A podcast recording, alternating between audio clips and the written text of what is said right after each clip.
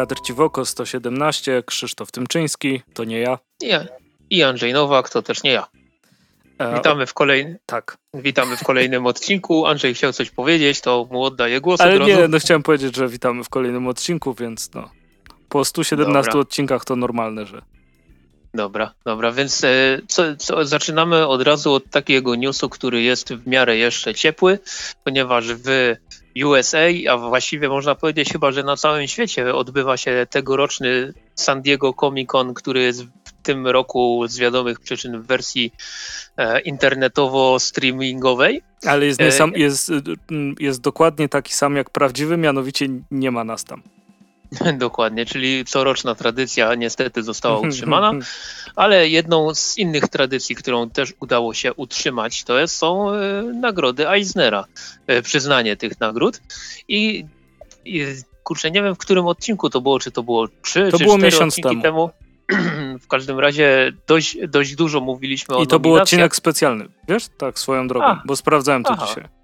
Okej, fajnie. W każdym razie, no, więc w tym odcinku specjalnym dużo, dość dużo mówiliśmy, chyba z godzina tam wyszła, nie? Mniej więcej o tych nominacjach E, wszystkich. Namierzam, więc więc, przy, więc dziś może tylko powiemy o tym, kto wygrał w poszczególnych kategoriach i też nie będziemy może mówić o wszystkich kategoriach po Jasne. kolei, tylko o takich, które nas mhm. powiedzmy najbardziej interesują. Więc ja od razu przeskoczyłbym najlepszą krótką historię, bo i tak jej nie znam. E, I, powie, I e, zwrócę uwagę, że najlepszy zeszyt one shot to jest Our fa favorite thing is my favorite thing is monster. Emila Harrisa z Fantagraphics i jeżeli dobrze pamiętam, to to jest zeszyt, który był wydany na Free Comic Book Day. Mhm. I ja go mam zamiar mieć, jak te zeszyty już wszystkie dojadą do Polski, do, do, do, do Atomu, żeby sprawdzić, co, co tam się w, w zasadzie zadziało. E, Najlepsza seria regularna, dla mnie zaskoczenie, bo to jest seria, dla, na którą bym co prawda nie stawiał najmocniej z tych, które były nominowane, Mhm. no ale uznano, że wygra, wygrało Bitter Root z wydawnictwa Image, e, Da- Davida Walkera, Chucka Browna i Sanforda Greena. Mam ten pierwszy tomik gdzieś tu na półeczce, mam, tak, mam. I, i podobało mi się generalnie, ale Ale e, nie że- sądziłeś, że- to jest taki Eisnerowy materiał. ta, znaczy powiedziałbym tak, że z tych nominowanych rzeczy, które znam, a znam cztery na, na sześć nominowanych, to, to było takie najbardziej w porządku, po prostu w porządku, nie, że tam jakoś mnie wyrwało z butów. Mhm. Jakbyś mógł e, powiedzieć coś o kolejnych e, tych kategoriach, bo ja muszę sobie kaszel. Oczywiście, w takim razie jeśli chodzi o najlepszą serię limitowaną, w, e, jest kolejna rzecz z Imidżu i Krzysiek pewnie się teraz krztusi z radości, że kolejna rzecz z Imidżu. Natomiast jej nie czytałem, więc przechodzę dalej. E, I chodzi mi o najlepszą nową serię, czyli Invisible Kingdom, e, które zostało wydane przez Dark Horse'a, ale w imprincie Burger Books. I jakiś czas temu rozmawialiśmy, że fajnie by było, gdyby be, be, be, be, be, be, gdyby Burger Books e, zyskało trochę więcej rozgłosu i myślę, że to jest właśnie już powoli em, krok w tym kierunku. No i jeśli będzie to wróżyło mm, powrót poziomu Vertigo pod, em, pod zarządem Karen Berger, to byłoby super. A sam komiks też jest bardzo fajny. Ty go czytałeś, czy nie? Nie, nie, jeszcze nie. Polecam. E, Na, natomiast tutaj tak się tylko dodam, wiem, że już o tym mówiliśmy, w tej kategorii było nominowane Coś zabija dzieciaki, które niedawno się pojawiło w Polsce i zresztą jeszcze w tym odcineczku o tym, o tym komiksie powiemy. Tak, powiemy. tak będzie. E, Kolejne takie kategorie, na które zwróciłem uwagę, to jest e, najlepszy komiks dla nastolatków. E, Tutaj generalnie nie chodzi mi tylko i wyłącznie o tą kategorię, tylko o komiks, który się nazywa Laura Dean Keeps Breaking Up With Me, e, autorstwa Mariko Tamaki i Rosemary Valero O'Connell, ponieważ to jest chyba największy wygrany tegorocznych Eisnerów, bo tam Mariko Tamaki też dostała za najlepszą scenarzystkę. Kate- ten, no, wygra, wygrała w tej kategorii.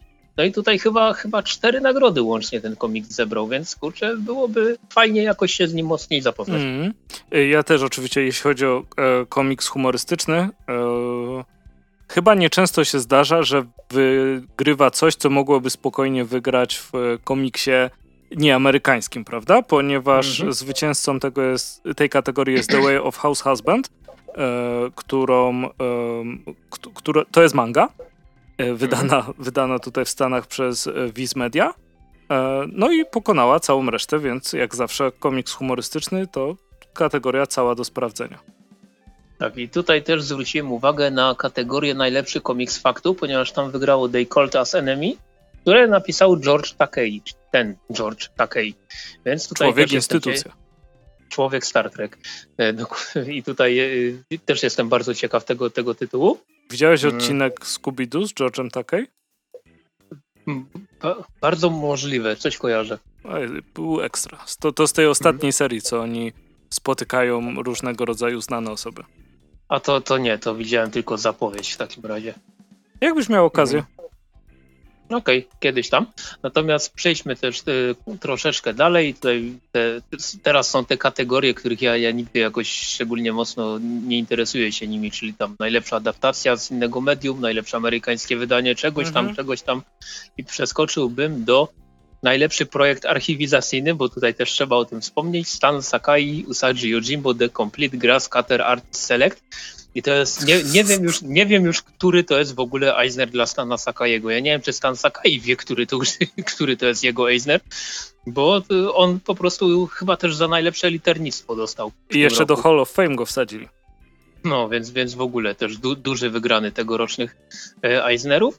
O scenarzyście już mówiliśmy, to może przejdziemy do najlepszy artysta tuszownik lub duet rysownik tuszownik i tutaj mamy właśnie też wspomnianą Rosemary Val Valero O'Connell z, z komiksu Laura Dean Keeps Breaking Up With Me, więc, więc tutaj i najlepsza scenarzystka, i najlepsza rysowniczka, i najlepsze w ogóle wszystko, więc naprawdę jestem bardzo, bardzo ciekaw tego komiksu. Natomiast też warto wspomnieć najlepszy malarz artysta cyfrowy, tam wygrał Christian Ward właśnie ze wspomnianego przez siebie Invisible Kingdom. Więc tam też by ten no, no, no. Zebrał, zebrał chyba ze dwa albo trzy Eisnery. Natomiast najlepsza rysowniczka okładek i tutaj bardzo się cieszę też, bo Emma Rios za Pretty Deadly, bo tam co ona wyczyniała na tych okładkach to też bardzo, bardzo fajna rzecz. Stan Sakai ma obecnie 7 nagród. No to kurczę, no. I dopiero w tym roku go dali do Hall of Fame. Najlepszy kolorysta, kolorystka i tutaj Dave Stewart, człowiek instytucja, który powinien wygrywać co roku w ogóle te nagrody.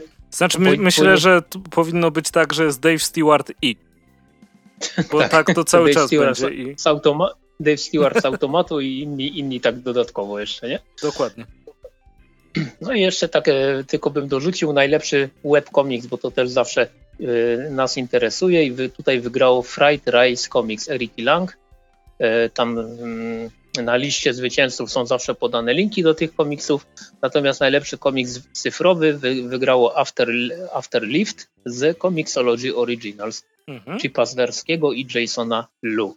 Natomiast jeśli chodzi o pełną listę wygranych tegorocznych Eisnerów, to e, znajdzie się na końcu opisu tego odcinka.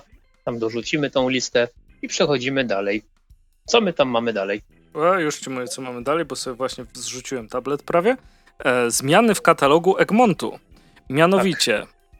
tam było, było trochę beki z mojej strony, więc może zaczniemy od, e, od tego. Mhm. Nie chodzi o dupczące się biedronki, chociaż to też było zabawne. E... A właśnie, kupiłeś ten słonecznik w Biedronce? nie. E, nie, nie wiem, jaki jest słonecznik w Biedronce. Wiesz, chyba nigdy słonecznika, a przerabiam duże ilości słonecznika. E... Po prostu to by mi tak idealnie pasowało. Tak, no, no ciekawe. Historii. Muszę sprawdzić, jakiej marki słonecznik jest dostępny w Biedronce. Dobrze. Najgorzej jest, jak chcesz Egmont... kupić biały słonecznik, a kupisz ten czarny słonecznik, bo jego się wcale tak wygodnie nie je. Okej, okay, wierzę na słowo. Natomiast Egmont? Tak, natomiast Egmont, przepraszam. e, jeśli chodzi o Egmont, to pojawiła się. Pojaw... Och, jejku. Pojawiła się lekka aktualizacja katalogu e, wrześniowego i tego, co tam dostaniemy. I dostaniemy trzy, trzy omnibusy, nie pomyliłem? Tak, tak, trzy. Tak, to co jest najważniejsze, co tam dostaniemy mimo wszystko, to jest Animal Man Granta Morrisona, bo jest to komiks wspaniały. E, oprócz tego dostaniemy Omnibus. Tak, tylko te, no, no, no. tutaj się wetnę, bo Oczywiście. w katalogu Egmontu Animal Man był podany jako dwa standardowe tomy, a będzie wszystko w jednym tomie. To nie będzie tak do końca Omnibus, bo to będzie wydane w tym takim standardowym, vertigowskim formacie, no ale będzie niezła krowa, bo tam chyba z 500 stron będzie. No to sporo rzeczywiście. Znaczy, mm, Ja lubię, jak komiksy się wygodnie czyta, a nie zawsze mi się te takie super grubaśne dobrze czyta. Zobaczymy. Mm. No to, to jest coś, co akurat. E, jest tam cena? Aj, ale ja, ja nie mam te, teraz tego otworzonego. No, typie. A na stronie Egmontu jest? To bym musiał poszukać, ale chodzi też głównie o to, że we wrześniu e, tego roku pojawią się dwa tomy Batman Black and White oraz to właśnie z czego się śmiałeś, czyli Przedwieczni Jacka Kirby'ego. E, które też przy okazji otworzy serię, która się nazywa Marvel Limited w, w ofercie Egmontu. No i tak, no i przedwieczni y, będą kosztować 299 zł, oczywiście twarda oprawa, format tam jakiś powiększony, ilość stron 392. E, bardzo limitowany nakład, tam nie wiem, czy, czy podali ten nakład, ale ma być limitowany. Natomiast w przypadku Batman Black and White to będą wydane dotąd cztery E, cztery tomy, cztery woluminy Batman Black and White zebrane w dwa takie wypasione tomy i będzie to u nas kosztowało okładkowo 249,99 za tom. Przypominam, że są dwa, czyli 500 minus za oba. I jeden będzie mieć 448 stron, drugi 464 strony. Zapewne też nakład mocno limitowany. Mamy nadzieję, że tym razem wydrukują to tak, jak powinni wydrukować, a nie tak jak zeszłoroczne bo tam była jakaś wtopa. No ale co, no ale generalnie chodzi o to, że Egmont tak do, coraz mocniej wchodzi w taki ryneczek dotąd niezbadany na naszym rynku, czyli e, komiksy turbolimitowane w powiększonym formacie i takie wydane bardziej EO, bo dotąd mieliśmy e, te, te te takie super wydania ze Screamu. Mhm. Były te, te, te, limitowane turbo torgale, kolorowe, niekolorowe i tak dalej. No i zeszłoroczne właśnie Batman Noir. No i w tym roku e, kontynuacja, można powiedzieć, Batman Noir plus ten Marvel Limited i zobaczymy, czy to, jak to się mówi, zażre na naszym rynku. Tak, natomiast, e, natomiast? miałeś oczywiście w rękach Batman Noir, prawda? Tak, tak, w końcu miałem to dalej uważam, że Scream ładniej wydaje komiksy. No ja jestem w stanie się z tym zgodzić spokojnie. E, w, w, sensie y, ja rozumiem, i, i moje nabijanie się nie jest takie, że o, za drogo, że wszystko powinno być za darmo, srutu tutu, srutu tutu. Nie mam z tym problemu, dlatego że przedwiecznie, jakbym sobie chciał ich po prostu przeczytać, na Comixology kosztują 19 dolarów. Ehm, cały ten omnibus. Bardziej mhm. chodzi mi o to, że jeśli już wydajesz coś, co w jakiś sposób jest kolekcjonersko ekskluzywne, to lepiej, żeby okładka nie wyglądała jak taki kał, jak w przypadku przedwiecznych, no bo ten napis jest zdupcony, tak, z góry na dół. No, jestem w stanie się z tym zgodzić znowu.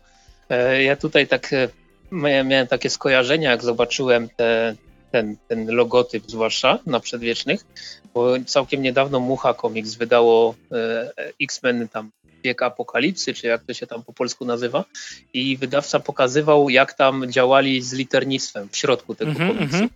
I tam, kurczę, to wyszło no, no super.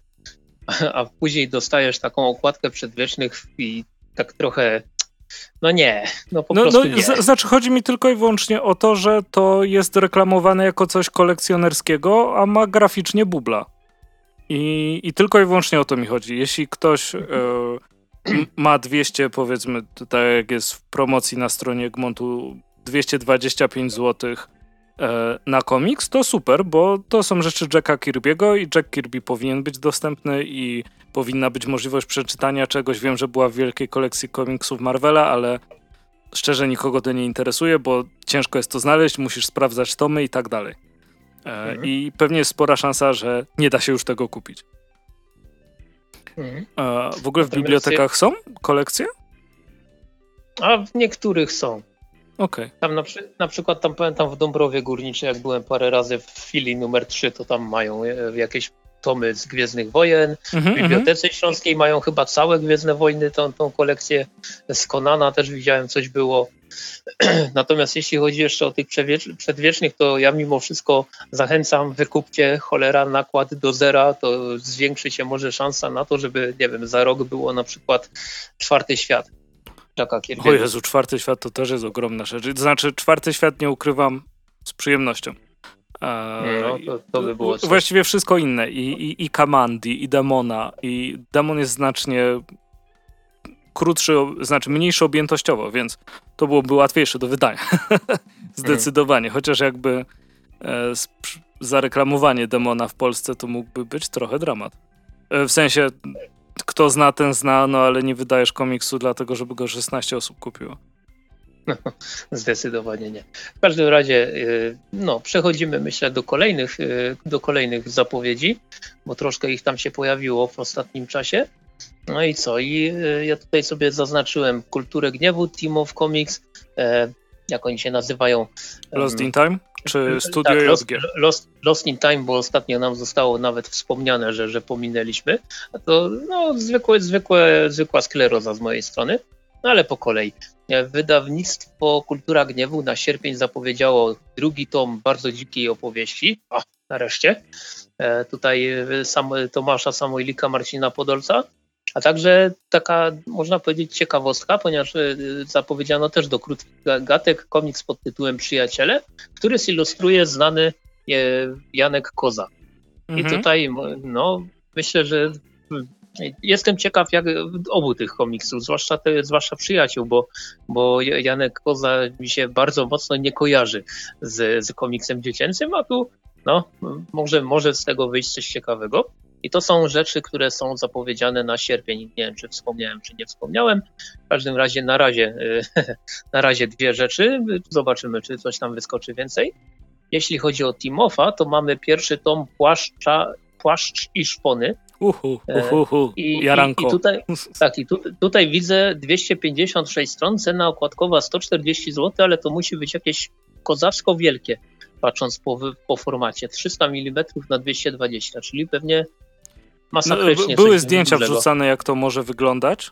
E, mhm. I no, wyglądało tak też kolekcjonersko, można powiedzieć. No, jestem, jestem w stanie to zrozumieć, znowu się powtarzam. E, I kolejna rzecz, e, oba, oba te komiksy mają być e, od wydawnictwa Teamów, mają, być, mają się ukazać 5 sierpnia, no a drugim z nich jest Rodacy 3 Jakuba Topora. Mhm. I kolejny raz mamy tutaj no ja, ja jestem zdruzgotany i wstrząśnięty, bo znowu wzrosła cena tego komiksu. Pierwszy tom był za 10 zł 50 groszy, drugi za 13, a trzeci już jest za 15 i to jest skandal. Co będzie za 15 lat? Co będzie? E, tutaj Jakub Topor napisał scenariusz i, i będzie rysował oczywiście. E, ilość stron 64, więc 15 zł za 64 strony. E, jeszcze czekaj, jeszcze wejdą rabaty na gildii, to chyba poniżej dychy to wejdzie albo coś koło dychy. Więc tutaj, tutaj dla mnie pewniaczek, bo jedynkę, dwójkę mam i chyba nawet wspominaliśmy o tych komiksach w podcaście. Natomiast jeśli chodzi o wydawnictwo Lost in Time, to oni jakiś czas temu zapowiedzieli, że na, we wrześniu tego roku pojawi się kolejny tytuł oryginalnie wydany przez Volt Comics i tym razem będzie to Deplot, scenariusz Tim Daniel i Michael Morecci i tutaj od razu się troszeczkę zajarałem, bo Michael Morecci to jest taki scenarzysta, że co od niego przeczytałem, to było dobre. E, a Deplot akurat mi umknęło. Za rysunki odpowiadać będzie Joshua Hickson, kolor Jordan Boyd, więc tutaj mogę powiedzieć, że to są raczej twórcy w Polsce nieznani. No i komiks ma opowiadać o e, tragicznej śmierci Charlesa Blaina i jego, jego żony. Po, po tym wydarzeniu opiekun osieroconych E, opiekunem osieroconych dzieci zostaje wujek, pewien Chase i no, generalnie ma być to kolejny horror w, w ofercie tego wydawnictwa. Oprawa twarda, ilość stron tutaj jest niepodana, ale pewnie coś koło 100-150 i to się pojawi we wrześniu. Natomiast ostatnią taką zapowiedzią, o której chciałem coś powiedzieć, to e, no, wydawnictwo Studio JG u nas nie, nie bywa za często mhm. w podcaście. No a ze, tym razem zapowiedziało e, parę takich rzeczy, znaczy zapowiedziało trzy nowe tytuły na najbliższe miesiące i chciałbym wspomnieć o jednym z nich, który, oj teraz muszę, muszę, muszę to przeczytać powolutku, po angielsku, a, jejku, po, po, po, po, japońsku nazywa się Otouto no Otto, więc już widzę, że jakby, jakby tytuł został utrzymany, to bym wszedł do komiksiarni czy gdzieś tam w Katowicach i bym powiedział, no, no to to, no to to poproszę. E, generalnie jest to, jest to, jest to seinen, obyczajowy komedia z wątkami LGBT i, i ilość tomów cztery, zamknięta seria. Jest, jest bardzo ciepło przyjęta i w Japonii, i widziałem w Stanach też zbierała dobre opinie. I to, i to jest e, opowieść o niejakim Jaichim, który jest samotnie wychowującym ojcem, ma córkę Kanę i pewnego dnia w progu jego domu pojawia się niejaki Mike, który jest z Kanady. No i ten Mike wyjawia, że jest e, mężem brata Jaichiego, z którym Jaichi od dłuższego czasu nie miał kontaktu. No i generalnie ma być to właśnie taka komedia trochę obyczajowa, trochę znaczy no, no, głównie komedia obyczajowa oczywiście. Mhm. Tutaj według opisu mamy, według w opisie mamy tak, oto ciepła, słodko-gorzka opowieść o radzeniu sobie ze stratą, a także o barierach, jakie budują krzywdzące stereotypy, a przede wszystkim o tym, jak niewiele trzeba, żeby je zburzyć. No i ja e, tym tytułem jestem no, bardzo mocno zainteresowany. Okładka jest, okładka mi się mega podoba. No i dla mnie największym plusem już w tym momencie jest to, że to ma tylko cztery tomy, więc się nie wpierniczę w coś, co, co się nigdy nie skończy. No i te, te wszystkie dobre opinie, które się pojawiały, te, też mnie jak najbardziej zachęcają do tego, do tego tytułu, więc kto wie, może za jakiś czas w podcaście Studio JG się wreszcie po długiej, długiej przerwie pojawi. No i wciąż czekam na kolejny tom dziewczynki w krainie przeklętych, bo to już strasznie długo. Strasznie długo to trwa. No i co? I kończymy e, zapowiedzi. E, dzięki, na, słyszymy się za dwa tygodnie. Dokładnie, kończymy zapowiedzi na, na ten odcinek i przechodzimy do kolejnego newsika i tutaj myślę, że e, oddaję Ci głos. E, tak, mianowicie możesz mi oddać głos do tego, że Usagi Yojimbo będzie na Netflixie zrealizowany jako serial. Dokładnie tak. I z tego się bardzo I cieszymy. E, przynajmniej ja mhm. się cieszę. E, zobaczymy, co się zmieni w stosunku do oryginału. W sensie, no, te adaptacje czy tam przełożenia na e, język serialowy i dodatkowo myślę, że możemy powoli dokładać określenie jakby język Netflixowy. Mhm. Mm, zawsze się czymś różnią, nie? No to zobaczymy, jak to będzie w przypadku Usagi no, tutaj Yojimbo. Tutaj się będzie bardzo mocno różniło, ponieważ według opisu, który został udostępniony, to fabuła ma się rozgrywać w świecie, który miesza współczesność z japońską tradycyjną kulturą i głównym bohaterem wcale nie będzie Usagi, tylko samuraj zwany, który nazywa się Yuichi jest potomkiem wielkiego, znanego Usagiego Yojimbo. I, no ale nie oszukujmy się, że będą retrospekcje, nie? To jakby... No, Raczej na pewno. I tutaj też gdzieś wyczytałem, że to ma być e, serial robiony mm, taką mieszanką tradycyjnej animacji z CGI. Więc e, tak no, bardziej współcześnie, jak rozumiem, ale to jest chyba standard obecnie, jeśli chodzi o. Tak, i za, zależy kto to robi. Animowane. Wiesz, mhm. bo na, na przykład e, oglądałeś ostatniego Asterixa? Tajemnicę tak, magicznego tak, wyworu? Tak, tak jak najbardziej. A to przezabawny jest ten film. Natomiast. Tak. E, tam często było tak, że tła były malowane. Nie, nie wiem, czy cyfrowo, czy nie cyfrowo. Mhm. E, ale przejście z tego tła 2D na postacie 3D takie płynne, trochę jak ruchomy obraz wyglądało wtedy. Strasznie, strasznie mi się podobało. Więc jeśli tylko nie będzie waliło takim CGI e, po oczach, to będę bardzo zadowolony. Czasem jak oglądałem te anime, gdzie robi się tła całkowicie z modeli 3D i do tego się animuje postacie, e, to nie, nie, nie byłem do końca przekonany z tym, jak to wygląda. Natomiast mm. no, fabułą często, często się broniły. Natomiast w przypadku Sagiego Yojimbo um, to jest znana marka, nie? Więc wydaje mi się, mhm. że, że wszystko będzie git. Albo taką żywię nadzieję. No tutaj też wyczytałem na jakimś newsie, że oczywiście Stan Sakai ma być producentem wykonawczym i bardzo mocno się udzielać przy, przy tym tytule, więc no też jest nadzieja, że jeżeli tam faktycznie będzie rządził na planie, to wyjdzie z tego coś fajnego. Mm, natomiast skoro już jesteśmy przy, e, można powiedzieć, gwiazdach dużego i małego ekranu, to warto też wspomnieć, że znany, lubiany i kochany przez cały świat Keanu Reeves będzie scenarzystą komiksu, współscenarzystą komiksu, ponieważ ogłoszono, że Boom Studios, które jak pamiętamy wspomniał kiedyś Erik Larsen, nie ma czegoś takiego jak autorskie komiksy. E, Boom Studios A jeśli ma to kiepskich autorów?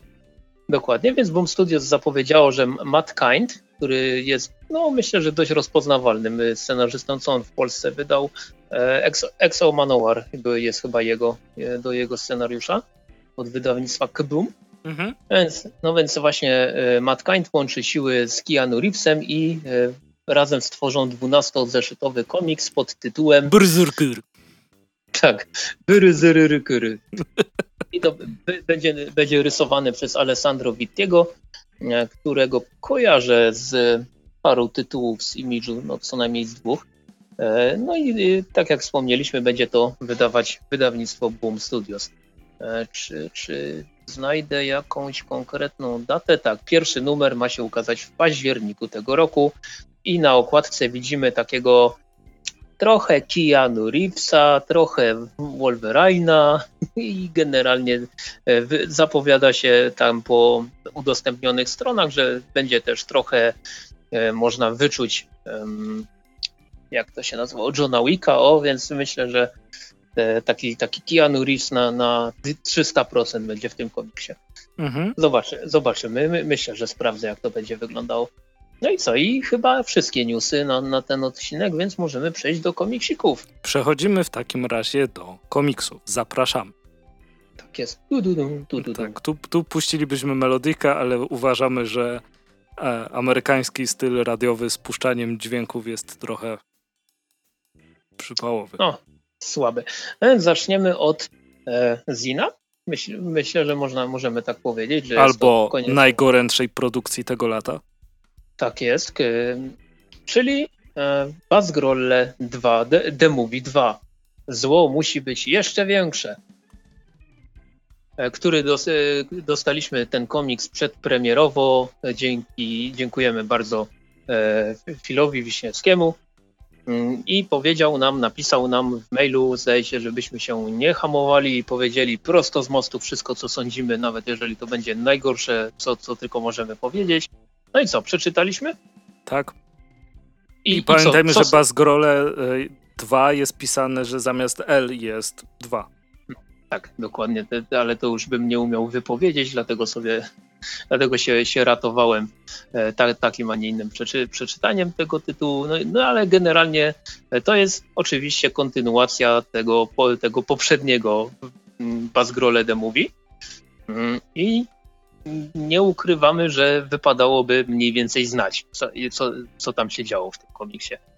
Wydaje mi się, że tak. I ogólnie jak to, jak to z Bazgrolami e, konwencja jest, myślę, że trochę hermetyczna, mhm. ale raczej na takiej zasadzie, że e, jak już wpadniesz w ten klimat, to go rozumiesz. I ten komiks nie jest miejscem, gdzie wydaje mi się jest tak łatwo wskoczyć w ten, w ten klimat. E, najlepszym punktem startowym chyba na zawsze będzie Breslau Triangle.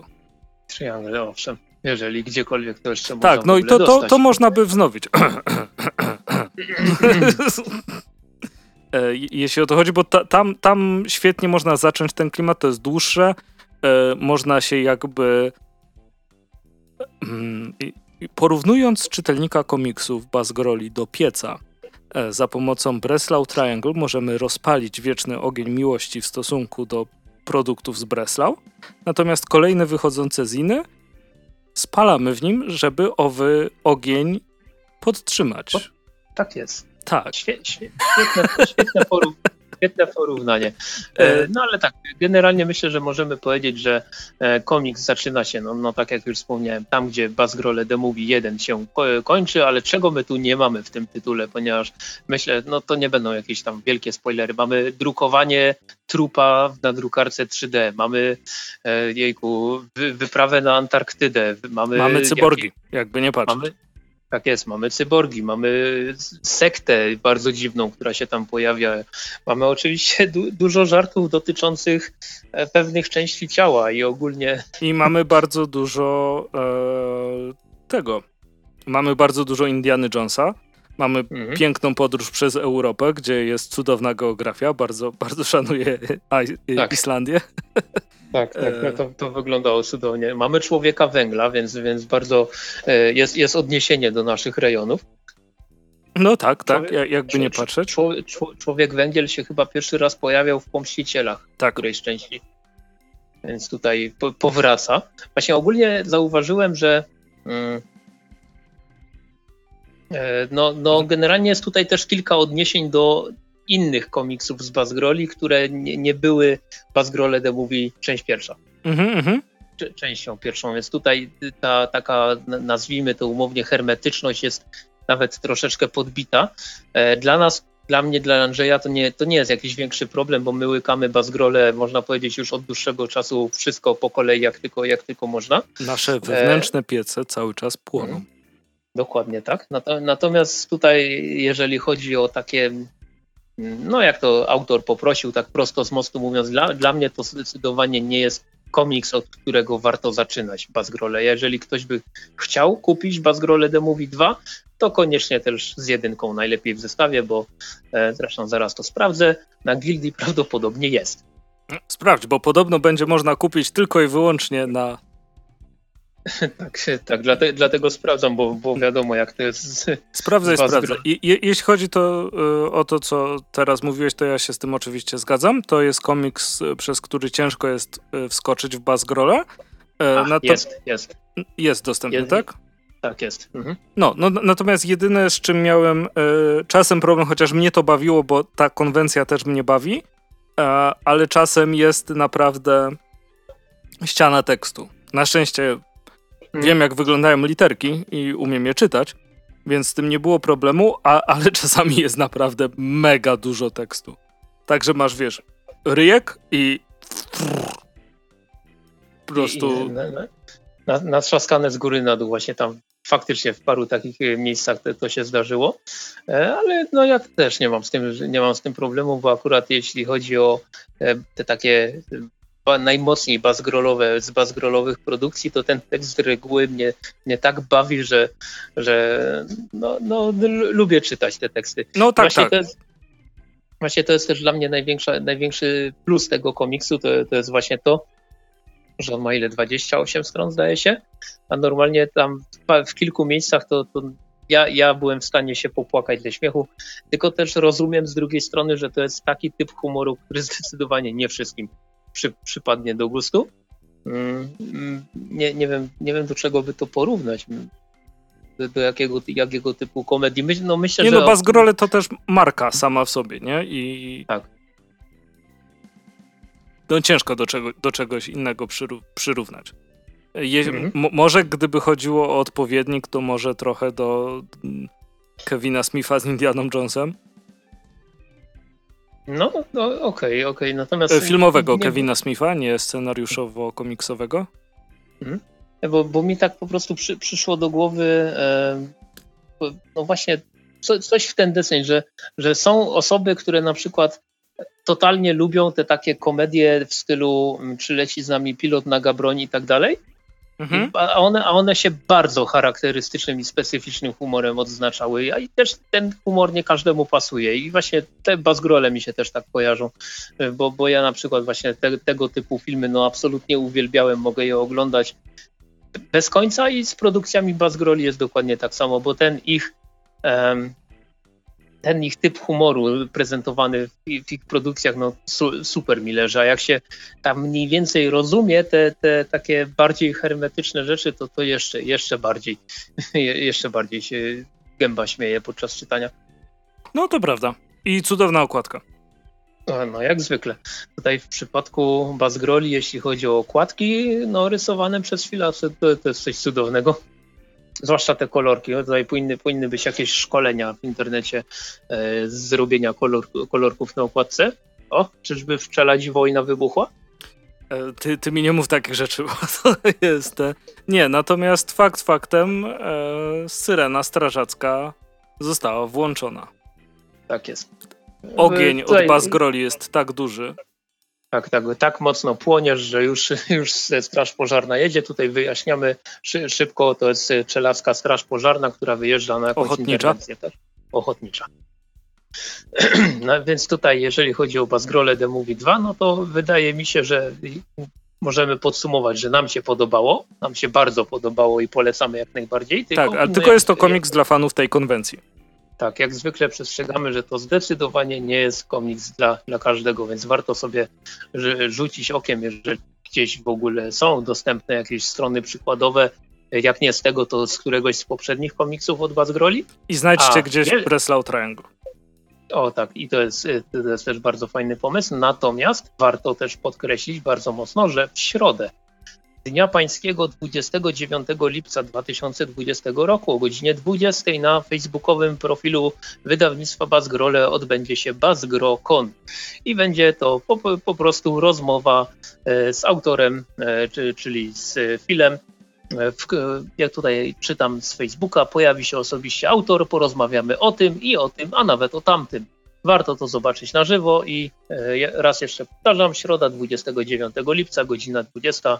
Myślę, że będzie też okazja zobaczyć, jak ten komiks wygląda od zewnątrz i, i, i od środka. I może to Was przekona do wydania tych coś około, tak sądzę, podejrzewam, 20 zł. Tak. Nawet jakby y, był płatny y, pas Grokon, to za niego też warto byłoby zapłacić, ponieważ bardzo tęsknię za e, za Bazgrole HQ, żeby wiedzieć, jakie stylowy są teraz modne i jak dobrze fitować ubranie. Mhm. No ja e, mam zamiar oczywiście na Bazgrokonie się pojawić, nawet już czy planuję ile doktorów Pepperów sobie na to wydarzenie sprawić. Myślę, że tak ze dwa powinny starczyć. W butelkach. Chociaż no, puszce butel... jest lepsze. Puszeczki, no puszeczki jakoś tak bardziej pasują. No więc co, no my jeszcze raz się powtarzając, e, polecamy, ale z, z, tym taką, z tą taką gwiazdką tłumaczenie gwiazdki nie jest to zdecydowanie komiks dla każdego. No i przechodzimy dalej. Mhm. Teraz będą dwa komiksiki od wydawnictwa, które bardzo lubimy i lubimy chyba niezmiennie mocno od samego początku jego istnienia, czyli Non-Stop Comics, które za każdym razem jak coś wyda, znaczy no prawie za każdym razem jak coś wyda, to jest to z reguły coś, co nam fajnie leży. I ja bym chciał powiedzieć parę słów o pierwszym tomie e, horroru Coś zabija dzieciaki. Tutaj scenarzystą jest James Tynion IV, którego w Polsce można korzystać z różnych dziwnych rzeczy z Batmanem, niekoniecznie dobrych. Natomiast ilustratorem jest Werter Deledera, który w Polsce się pojawił e, na pewno w Lowlesie i co on jeszcze rysował? Aha, Brixland. E, e, tam też udzielał się graficznie. Ja tego e, rysownika lubię, generalnie on jest taki dość charakterystyczny, e, ale muszę przyznać, że w komiksie Coś zabija dzieciaki go początkowo nie rozpoznałem, ponieważ tutaj e, no, dość mocno zmienił swój styl rysowania, przynajmniej tak, mi się wydaje, bo tak przeglądałem mówię, kurczę, to jest na pewno Deledera, może on tu był współscenarzystą czy coś. Nie, on się zajmował rysunkami, tylko to na potrzeby tego komiksu troszeczkę ten swój styl zmienił i bardzo mi się podoba. E, ta zmiana stylu. Jeżeli e, macie, macie tam, znaczy, jeżeli macie internet w domu, hehe, to sprawdźcie sobie na, gil, na Gildii czy, czy na stronie wydawnictwa Nonstop Comics. Tam jest pod, podsunięty i trailer tego komiksu i mamy kilka stron przykładowych, więc można rzucić sobie okiem, na co się mniej więcej spodziewać. Ja, ja powiem tak, że jeśli chodzi o grafikę w tym, w tym komiksie, to ona jest taka, że mm, tam, gdzie ma być powiedzmy taka, taka bardziej horrorowa, mroczna, przerażająca, obrzydliwa, to tam Werter de Ledera się sprawuje znakomicie moim zdaniem. Natomiast jak są takie sceny, gdzie jest troszeczkę spokojniej, to myślę, że y, ten jego taki dość charakterystyczny styl, dość nietypowy styl przy okazji, nie każdemu może przypaść do gustu. Mi się podoba to, co on tam rysuje. Ja generalnie lubię e, amerykańskie komiksy, które graficznie nie wyglądają tak jak klony jeden drugiego, tylko ten, ten rysownik się faktycznie czymś potrafi e, wyróżnić tak pozytywnie. No i tutaj tak na pierwszy rzut oka mo może to dziwnie wyglądać, że na przykład główna bohaterka ma takie wielkie oczy, to tam jest troszeczkę wspomniane i można powiedzieć w pewnym sensie nawet wyjaśnione, e, że, że generalnie właśnie ludzkie postacie tak momentami dość, dość dziwnie wyglądają, takie można powiedzieć troszeczkę zniekształcone, nieforemne wręcz, ale, ale kurczę mi to wszystko pasuje do tego, do tego klimatu charakterystycznego tego komiksu. Natomiast sama historia polega na tym, że w jednym z takich typowo, typowych małych y, miasteczek, gdzieś tam w, no, nie wiadomo gdzie w Stanach Zjednoczonych, zaczynają ginąć dzieciaki.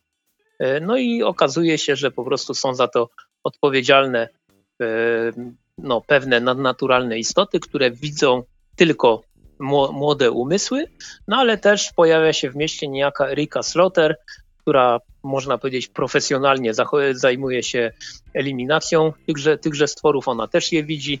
No i generalnie mamy tutaj do czynienia, myślę, że spokojnie mogę, mogę porównać ten komiks troszeczkę do, e, jak to się nazywał, Aż kontra Martwe Zło, ten serial, tak, Evil tak. Dead no to e, coś, coś w ten deseń bym, bym powiedział, tylko że może zdecydowanie mniej komediowy. w, zasadzie, w zasadzie w tym komiksie nie ma komediowych wstawek, ale tak, tak klimatycznie taka rozpierducha, dość krwawa jadka i taka można powiedzieć aż do przesady e, krwawo jest w tym komiksie momentami i tak mi się to skojarzyło, bo przepraszam, ja tutaj coś z tym gardłem dzisiaj mam.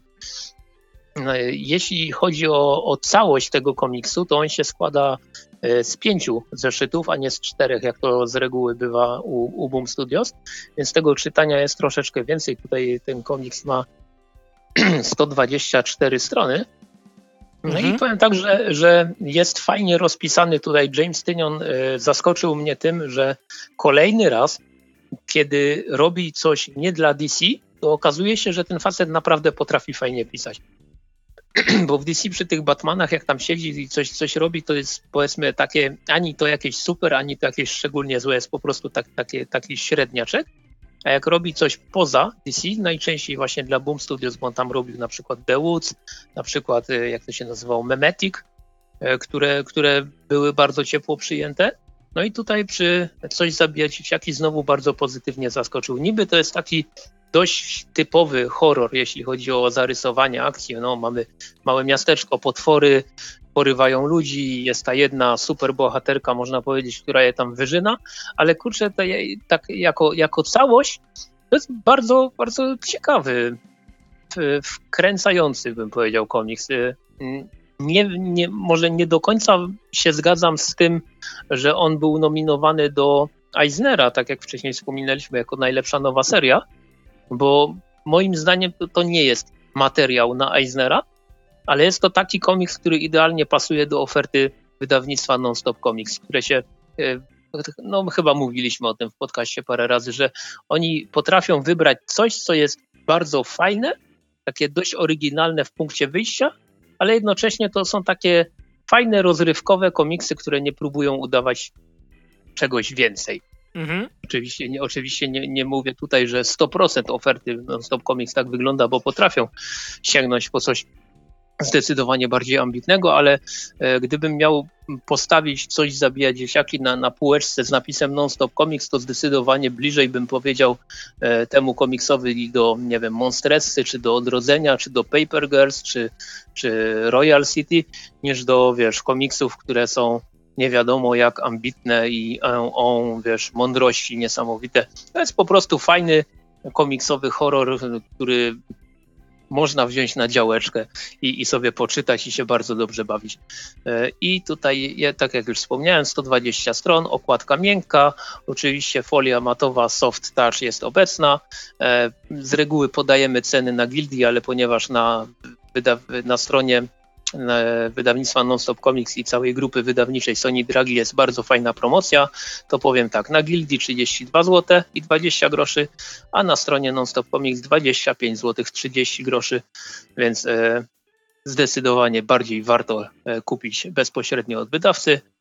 No i co? I ja ze swojej strony polecam. Jestem bardzo ciekaw, jak będzie to ta historia wyglądała dalej. Wiem, że w Stanach już się chyba pojawił, albo lada moment się pojawi drugi tom i seria też jest dalej, e, dalej kontynuowana, więc, więc jestem ciekaw, jak to będzie wyglądało dalej. Dobra, to w takim razie ja powiem o innym komiksie wydanym przez Non-Stop Comics, tylko już chwilę temu, ale jakoś nie było okazji o nim wspomnieć. Mm, mhm. ob obaj czytaliśmy, nie? Tak, tak, jak najbardziej. E, jest to Headloper, tom trzeci, znany jako i rycerze Venori. Mhm. W sensie Headloper i rycerze Venori. E, twórcą, scenarzystą, rysownikiem jest Andrew McLean, natomiast e, kolorystką jest Jordi Beller. I to jest wspaniały duet, bo kolory tutaj to są uhuhu, uhuhu.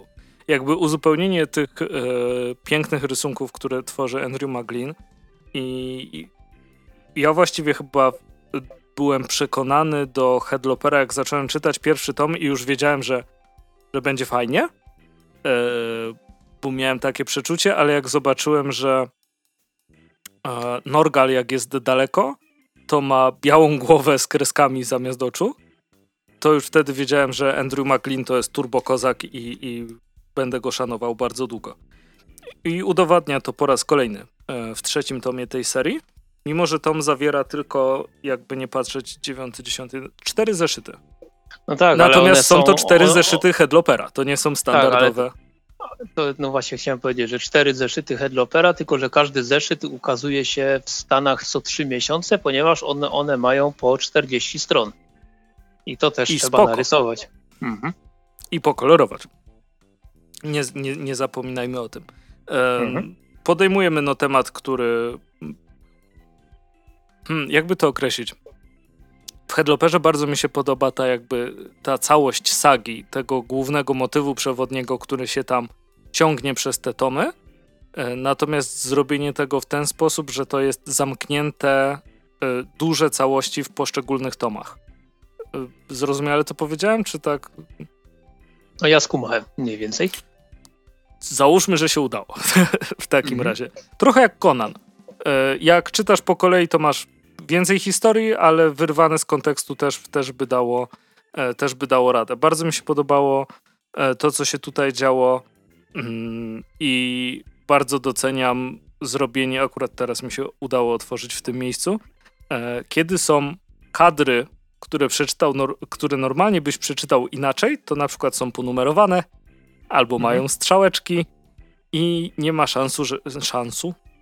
Mhm. Nie ma szansy, żeby e, wtopić z kolejnością e, czytania. Poznajemy trochę przeszłości, trochę jakby widzimy przyszłość w Mhm. paru momentach.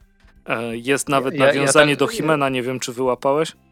Nie, y, chyba nie, ale ja tak się, się, szybko wetknę w, to, co mówisz, bo No, no. faktycznie na przykład e, w Coś zabija dzieciaki były, było parę takich momentów, że pojawiało się, pojawiały się splash, splash page, ale nie wyglądały jak splash page i się trochę, i tak mówię, kurczę, coś, coś z tymi kadrami jest nie tak. I, i dlatego ja zawsze do, doceniam strzałeczki takich komiksach. Tak, je, je, jeśli jest jakby e, wątpliwy moment, gdzie ktoś może nie ogarnąć e, kolejności, nie będę oczywiście kozaczył, że tutaj o, zawsze mi się udawało. E, pamiętasz, jak jest taka mm, tam, nazwijmy to, rozkładówka z, y, no, gdzie walczą już prawie, że pod koniec, Mhm. e, to najpierw przeczytałem całą stronę po kolei i sobie myślę, a skąd on się tu wziął? Przecież coś tam, coś tam. Po czym zobaczyłem, że są cyferki i sobie myślałem, mhm, tak. No. Widać, jak uważnie to, to, to czytałeś. E, I za karę przeczytałem sobie jeszcze raz od początku, ale nie była to kara, więc wygrałem dwa razy ze sobą. Fajnie, że tutaj znowu jest więcej o Agacie. y, Chociaż wydaje mi się, że to jest zawsze tak ładnie wypoziomowane w headloperach. E, Mhm. Że, że, że mamy no, dużo Norgalu, bo mimo wszystko jest jakby tą, tą tytułową postacią, prawda? E, Mhm. Ale wszystkie inne postacie poboczne, które się pojawiają, są w jakiś sposób albo ciekawe, e, albo y, ważne, czy pojawią się później. A tutaj ten tradycyjny zabieg, jakby z retrospekcjami mm, i pokazywanie nam tych postaci zaraz, zaraz po tym, ale już, znaczy zaraz po retrospekcji, bardzo fajnie nakreśla, e, czego możemy się po nich spodziewać. No ale czasem robią coś zupełnie przeciwnego, więc czyta się to jak naprawdę świetny komiks przygodowy. Mm, Headlopera sobie bardzo cenię i jest dalej jedną z moich ulubionych serii przygodowych obecnie wydawanych. Mhm. Tak, to ja się totalnie z tym zgadzam, bo każdy kolejny tom Headlopera, jak tylko się pojawia, czyli całe trzy jak na razie, no to ach, kurczę, mówię, radocha jak cholera. To jest, to jest właśnie taki, taki komiks, który mm, Który chcesz On czytać jest- i, i tak, który totalnie chce się czytać i pomimo tego, że tutaj nikt nawet nie próbuje udawać, że to jest nie wiadomo jak ambitne cokolwiek, to po prostu mają się ciachać, krew ma się lać i, i ma być fajna historia i to się totalnie udaje. Tak, no i właśnie jak taka historia nie jest, nie jest głupia, że wiesz, że przeczytasz i jest, a, no dobra, jak część Konanów obecnie, tych, e, co Marvel wydaje, nie? Mhm. Natomiast Headloper jest y, jednym z kilku komiksów, tak naprawdę, który przez ostatnie. No, powie, załóżmy, że dwa lata. E, tak? Mo to mogły być dwa lata już? No, myślę, że tak. To za załóżmy, że w przeciągu ostatniego roku, tak żeby być już całkowicie pewnym. E, to jest jeden z niewielu komiksów, który przeczytałem kilka razy. O kurczę, pierwszy tom w Polsce się pojawił w 2017 roku w listopadzie. O kurczę, to w listopadzie będą już trzy lata. No. O kurde. Tak czy siak. E, I Headloper jest czymś, do czego chcę wracać. I mhm. tak samo jest na przykład z Hellboyem. Bo Hellboy to jest A mm, i BBPO. To jest tak samo, że wiesz, myślisz, o tak, to, to bym sobie teraz poczytał. I ta historia dalej jest fajna i znasz ją, ale da, dalej chcesz ją mm, doświadczyć w jakiś sposób. E, skonstruowanie też Headlopera trochę jak filmu, e, to też mnie zawsze bawi, że masz tutaj tak ta jak w Jamesie Bondzie, nie? E, Headloper powróci. Wielkimi tak, tak, literami. E, później mamy tam dwie reklamy, tak? Dwie? Tak, bo Apocalyptic Girls w ogóle z Dark Horse'a reklamy. E, Laser mhm. Wolf Attack, czyli no, no Andrew McLeana reklama. No i później mamy scenę po napisach, która kończy cały, cały komiks, prawda? Przy okazji tak, bardzo tak. zabawna scena po napisach. Standardowo galeria okładek, e, szkicownik, e, Andrew McLeana. Wszystko spoko. I, I po raz kolejny, jak zawsze, czapki z głów e, dla e, Jordi Beller, bo te kolory strasznie fajne, a chyba moim ulubionym połączeniem, który się tutaj pojawiał, to jak są w tym magicznym kręgu jest ta taka specyficzna zieleń. Mhm. Tak, e, kojarzę, no. I e, też jestem wielkim fanem tego, jak on rysuje, jak Andrew McLean rysuje cięcia za pomocą tych takich kółek z krzyżykami albo samych krzyżyków.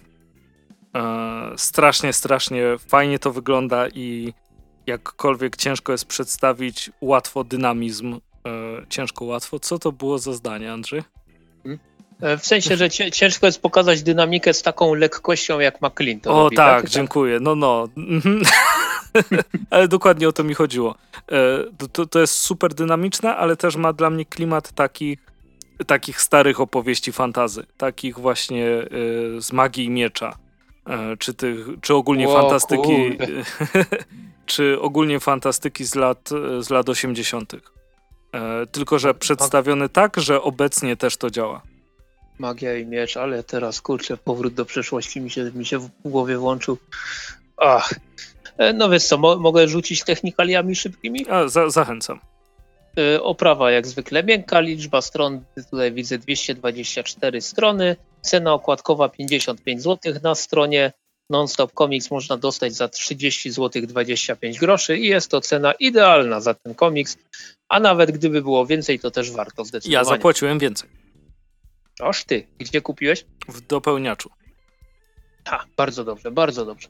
E, natomiast ja pozwolę sobie teraz przejść do kolejnego komiksu, który, mm, kurczę, ciężko mi jest go ocenić jakoś, jakoś sensownie, bo to jest najbardziej dołujący komiks, jaki ostatnio czytałem, jednocześnie on mi się tak cholernie podoba, że to, to w ogóle mi się w głowie nie mieści.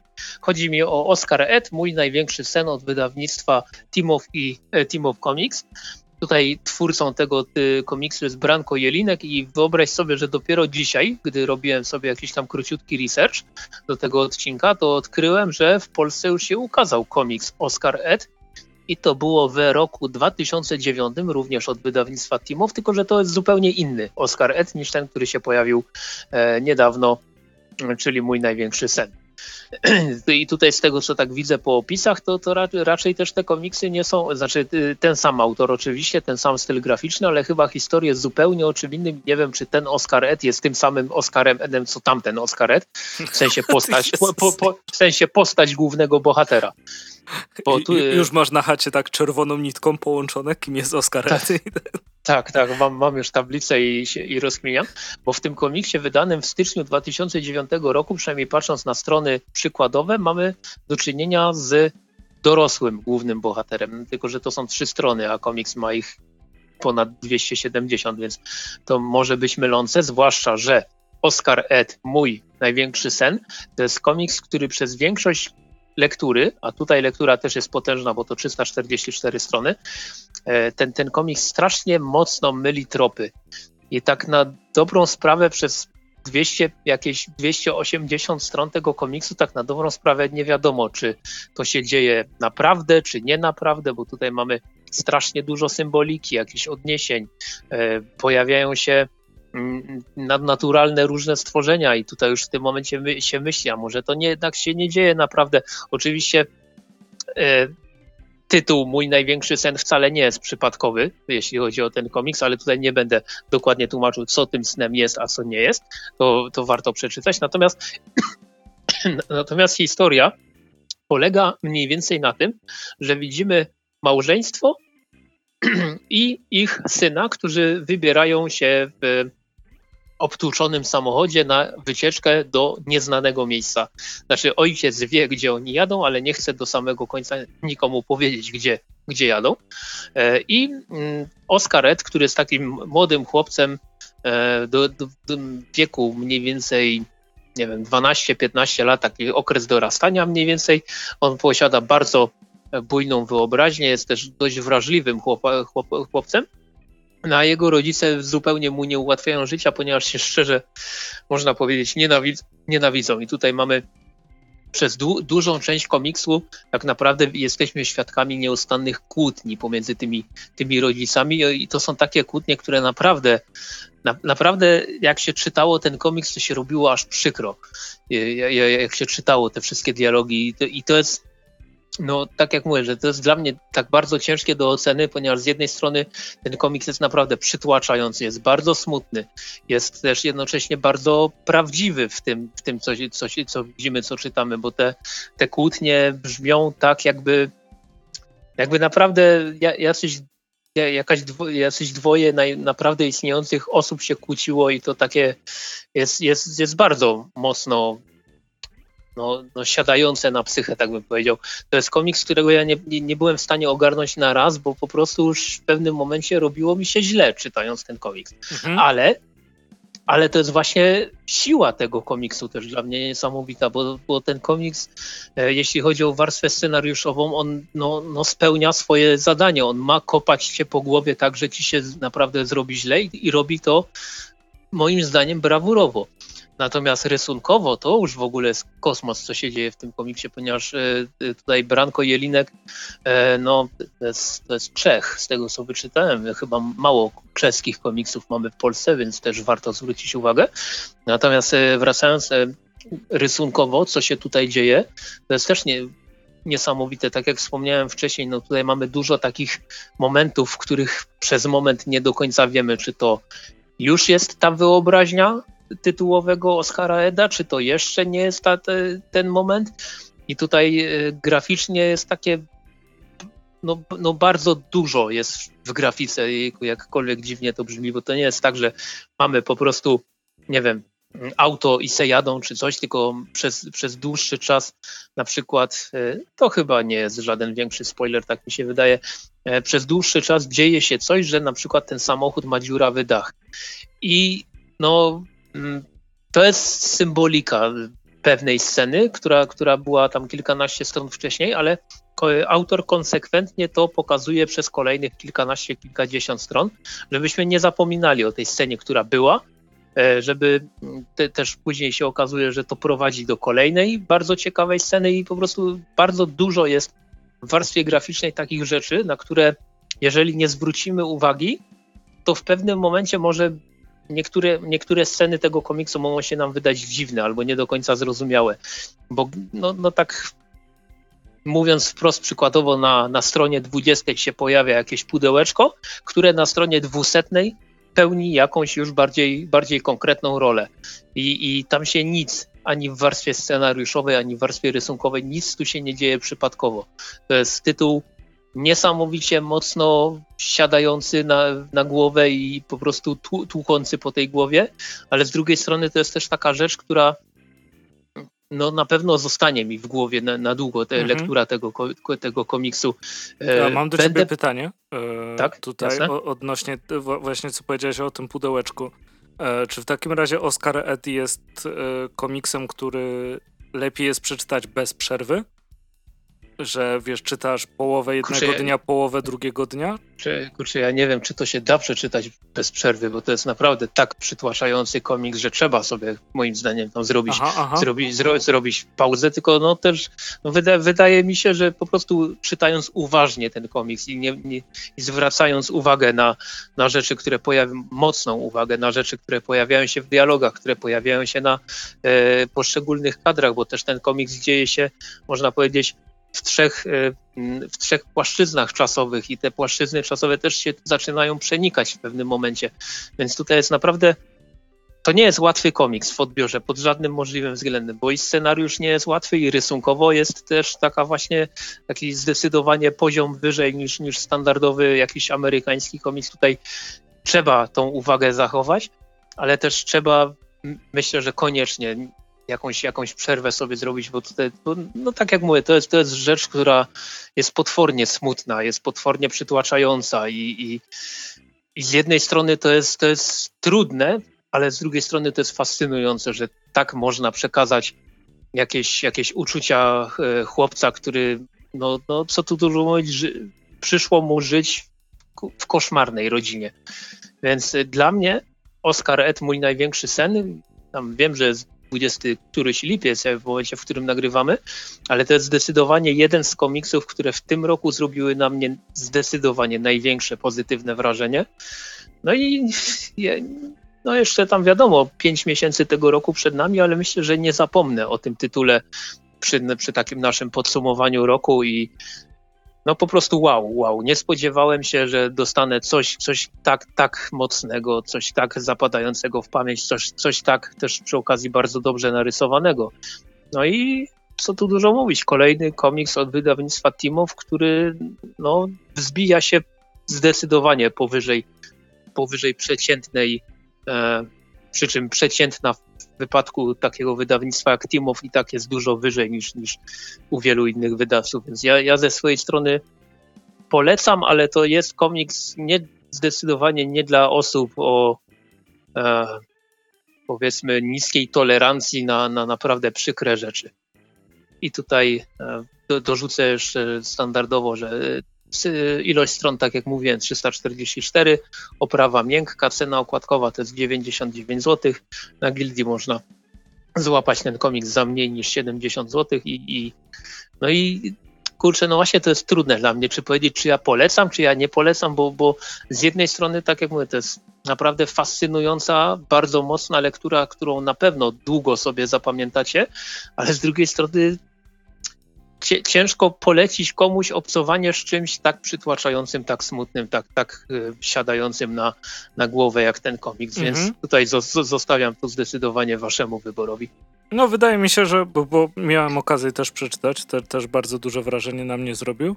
E, wydaje mi się, że warto jest go czytać wtedy, kiedy mm, wiecie, że czytanie czegoś ciężkiego nie pogorszy waszej sytuacji psychicznej. W mhm. sensie, jeśli jesteś osobą, która bardzo e, chłonie aurę tego, co się, co się czyta, co się gra, co się ogląda, e, no to Oscar Ed e, może lepiej jakby poczekał, a, aż będzie lepiej w głowie, nie? Mhm, tak, tak, zdecydowanie. Ale jest czymś, co, co zawsze warto jest mieć na, na radarze, bo no, robi gigantyczne wrażenie. Mhm. No tak. Dobrze, to przejdziemy do skrajnie innej rzeczy, mianowicie e, Karl Barks Kaczogród. E, tom się nazywa Miasto Złotych Dachów, natomiast tradycyjnie jest, a to będzie bardzo krótko. Um, tradycyjnie jest tu więcej historii, historyjek mamy, znaczy opowieści. Mamy 20. Są jeszcze jednostronicówki, oryginalne okładki, obrazy i rysunki. Standardowo na końcu kto jest kim w Kaczogrodzie i na początku jest bardzo, bardzo fajna w tym numerze e, przedmowa. I jeśli chodzi o to, to mm, no nie ma się co specjalnie tu rozdrabniać, bo też nie ma po co.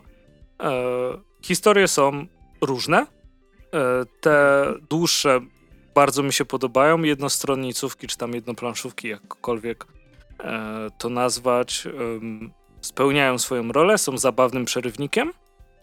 E, natomiast czyta się to wszystko po prostu dobrze. E, natomiast zauważyłem, bardzo często mówię natomiast, Mhm. e, zauważyłem, że muszę sobie robić też przerwę od Kaczora Donalda. Że na przykład tej. O! Ja, jak śmiesz? E, nie no, wie, wiesz, po prostu dla mnie to jest trochę czasem przesyt. Że, że za dużo mam tego w głowie i w pewnym momencie to jest do siebie zbyt zbliżone.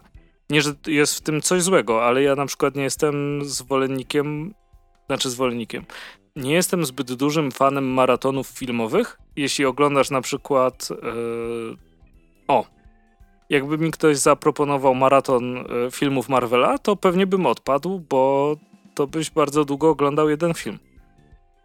Dla mnie. No, to, to jest, W wielu to przypadkach. To trochę jak słuchanie ACDC. Przepraszam wszystkich, którzy bardzo lubią ACDC, ale to jest w kółko jedna piosenka. E, I. O ty szujo, ty. No, no stary, no ale powiedz, że nie. W sensie e, to jest ich styl i to. Zwa- Zwalniam. Cię. Szybko, szybko zatrudnij mnie. Dobra, zatrudniam cię. No, w Gambolu tak było i później się obaj zwolnili. E, dobra. E. e, I to w żadnym wypadku tutaj nie umniejsza Kaczorowi Donaldowi, tylko jest tak jak z Garfieldem, nie? Że y, zostawiam sobie zakładkę, mam chwilę, to sobie przeczytam coś krótszego i wtedy się świetnie sprawdza. Natomiast y, no już nie jestem w stanie tak jednego tomu od deski do deski za jednym razem przewalić. A, Kurczę, a ja umiem. Jeśli chodzi o te kaczogrodowe kolekcje, to i Barksa, i, i Rosę, to, to pochłaniam po prostu na jednym posiedzeniu. Hehe. Ehe. E, no ale cóż, ja, ja jestem z tych osób, które potrafią pójść do pewnego sklepu na E, czy do pewnego sklepu na A i kupić sobie przykładowo dwa giganty mamuty za 20 zł i je później przeczytać w, nie wiem, w dwie godziny i się cieszyć. No to jest tysiąc stron. No, Więc, wi, wi, widzisz, wiesz jak giganty u mnie wyglądają. E, no wiem, wiem. Leżą na parapecie e, w kiblu i, i spełniają swoją rolę idealnie. Mm, Więc to, to jest kwestia tylko i wyłącznie tutaj no, wa, waszego podejścia do, do kaczogrodzkich komiksów. Bawię się dobrze przy nich. Z bardziej do... nie. Lepiej bawię się oczywiście przy dłuższych historiach, bo po prostu takie lubię. Mhm. Dłuższych, ale zamkniętych. To też jakby kwestia mojego gustu co do historii jest bardzo skomplikowana i nie umiałbym jej objąć słowami. Tak czy siak. E, fajny tom. No i standardowo czekamy na następne, bo będzie ich Tak. dużo. Tak, tak, no nie, nie ma co też się oszukiwać. One będą się pojawiały w najbliższych miesiącach regularnie. E, I ja tutaj tylko tak do, dopowiem, że no, no standardowo ja muszę pokręcić nosem na to, jak, jakie, jak wydana jest ta, ta kolekcja. Bo to nie, nie, nie, że wina wydawnictwa Egmont czy coś, tylko po prostu jak się postawi obok siebie kolekcję Barksa, kolekcję Rosy, to po prostu rzuca się w oczy, że kolekcja Barks, le, Rosy ma lepsze okładki, lepsze dodatki, lepsze w ogóle te. No, no wszystko jakoś wygląda w kolekcji Rosy lepiej niż w kolekcji Barksa i, i trochę się zastanawiam, dlaczego tak jest. No, okładki zwłaszcza. Ta seria Rosy jest naprawdę przepiękna okładkowo, a tu jest taki pocztówkowy kolaż, co jest dla mnie bardzo negatywnym określeniem. Tak jest, no, no Ale- też nie. Ale grzbiety bardzo ładne. tak, na, natomiast e, no tam cena okładkowa ile to tam 70 zł, oprawa twarda i, i, po, i polecamy. Natomiast taki nasz e, temat odcinka można powiedzieć, to będzie już zresztą z, z opisu to wynika e, Snowpiercer, A, który z miniaturki, jeśli oglądacie na YouTubie. tak, tak jest. E, I e, bo w ostatnim czasie pojawił się wreszcie długo, długo wyczekiwany, długo powstający serial, który sobie obejrzeliśmy. Lata, lata temu był film z Kapitanem Ameryką w roli głównej. Znaczy, wiesz, tak E. naprawdę te lata, lata, lata to jest 7 lat. No tak, ale to już jest dużo. E, I tutaj e, o, o, i, o, i o filmie, i o serialu, i też o komiksie, który został, już sobie sprawdzam, Niedawno. W, w czerwcu, w, w czerwcu wydany przez wydawnictwo Kurs. Sobie teraz co, co nieco opowiemy. E, Ja mm, oczywiście wspomnę też, że jest coś takiego jak oficjalny timeline tego Snowpiercera i tutaj tak, e, jeżeli chodzi o te trzy rzeczy, o których będziemy mówić, to pierwszy chronologicznie, y, pierwsze chronologicznie są wydarzenia z serialu, następnie mamy wydarzenia z komiksu i na koniec wydarzenia z filmu. I myślę, że moglibyśmy w takiej kolejności też poopowiadać o naszych wrażeniach z poszczególnych produkcji. No więc co, zaczniemy od rzeczy chronologicznie pierwszej. Przepraszam, chronologicznie pierwszej, a, a, mm, w rzeczywistości najnowszej, czyli z serialu z udziałem e, Jennifer Connelly i nie tylko, który on jest na Netflixie, te, tak, na Netflixie, już mi się myli, co jest na Netflixie, a co jest na HBO. Więc Snowpiercera można sobie obejrzeć na Netflixie, to jest 10 odcinków, chyba wszystkie już są, Wszy, tak, wszystkie tak, już wszystkie, są. wszystkie. E, I, i powiedz mi, co, jak ci się podobał ten serial, oczywiście oprócz tego, że y, Lila LJ była strasznie denerwująca. To ta młoda. O, tak.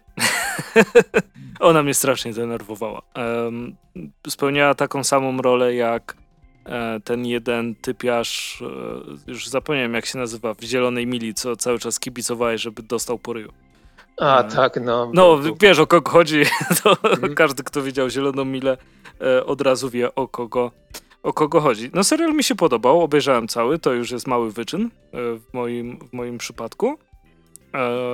Ciekawie było to zaprojektowane i tutaj mam do ciebie pytanie, bo jeśli sobie na przykład zobaczysz Wikipedię tego serialu, mhm. to jest napisane, że jest rebootem filmu.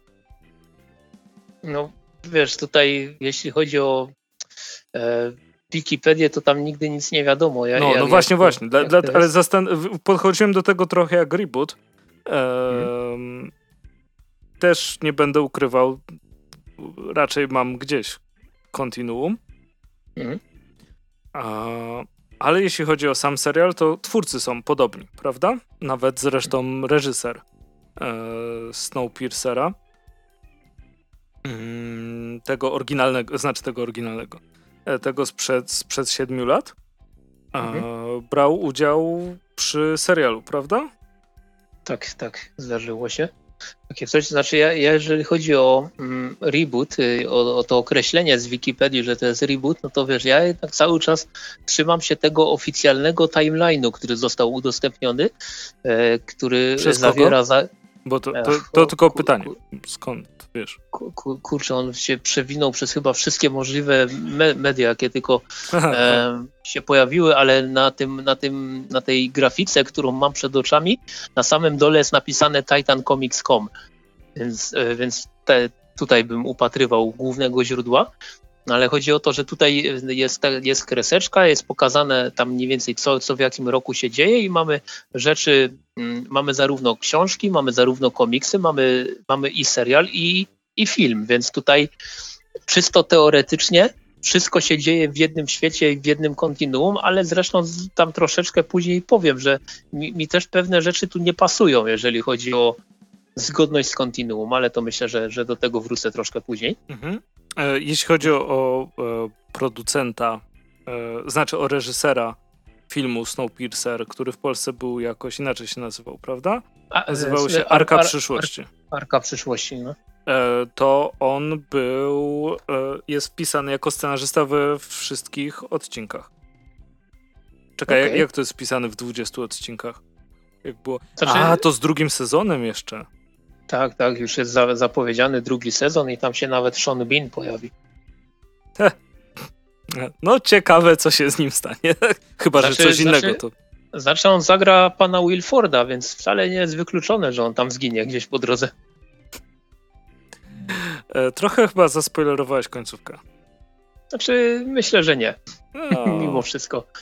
Znaczy, y, ja do tego znowu wrócę troszeczkę później, gdzie będziemy już tak troszeczkę bardziej spoilerowo też mówić, e, ale, ale nie, myślę, że e, nie, nie, nie, go w serialu mimo wszystko. Że nie, nie, nie ciachną, nie, że zginie na pewno, tylko nie ciachną go raczej. Co? Ale no dobra, e, ogarnąłem. Co ja ci mam powiedzieć o tym serialu? Podoba... Film mi się już podobał 7 lat temu. Chyba nawet w kinie był w Polsce, nie? No tak. I bardzo dobrego reżysera, który nawet dostał jakąś tam jakiegoś złotego chłopka mm, za swój ostatni film. Tak, to był Bo Jon, Ho, Jon Ho Bong? to pewnie się jakoś inaczej czyta, ale on, tak, to jest e, facet, który zrobił Parasite'a. I Okie na Netflixie. Też bardzo płaczliwy film, ale fajny. Mhm.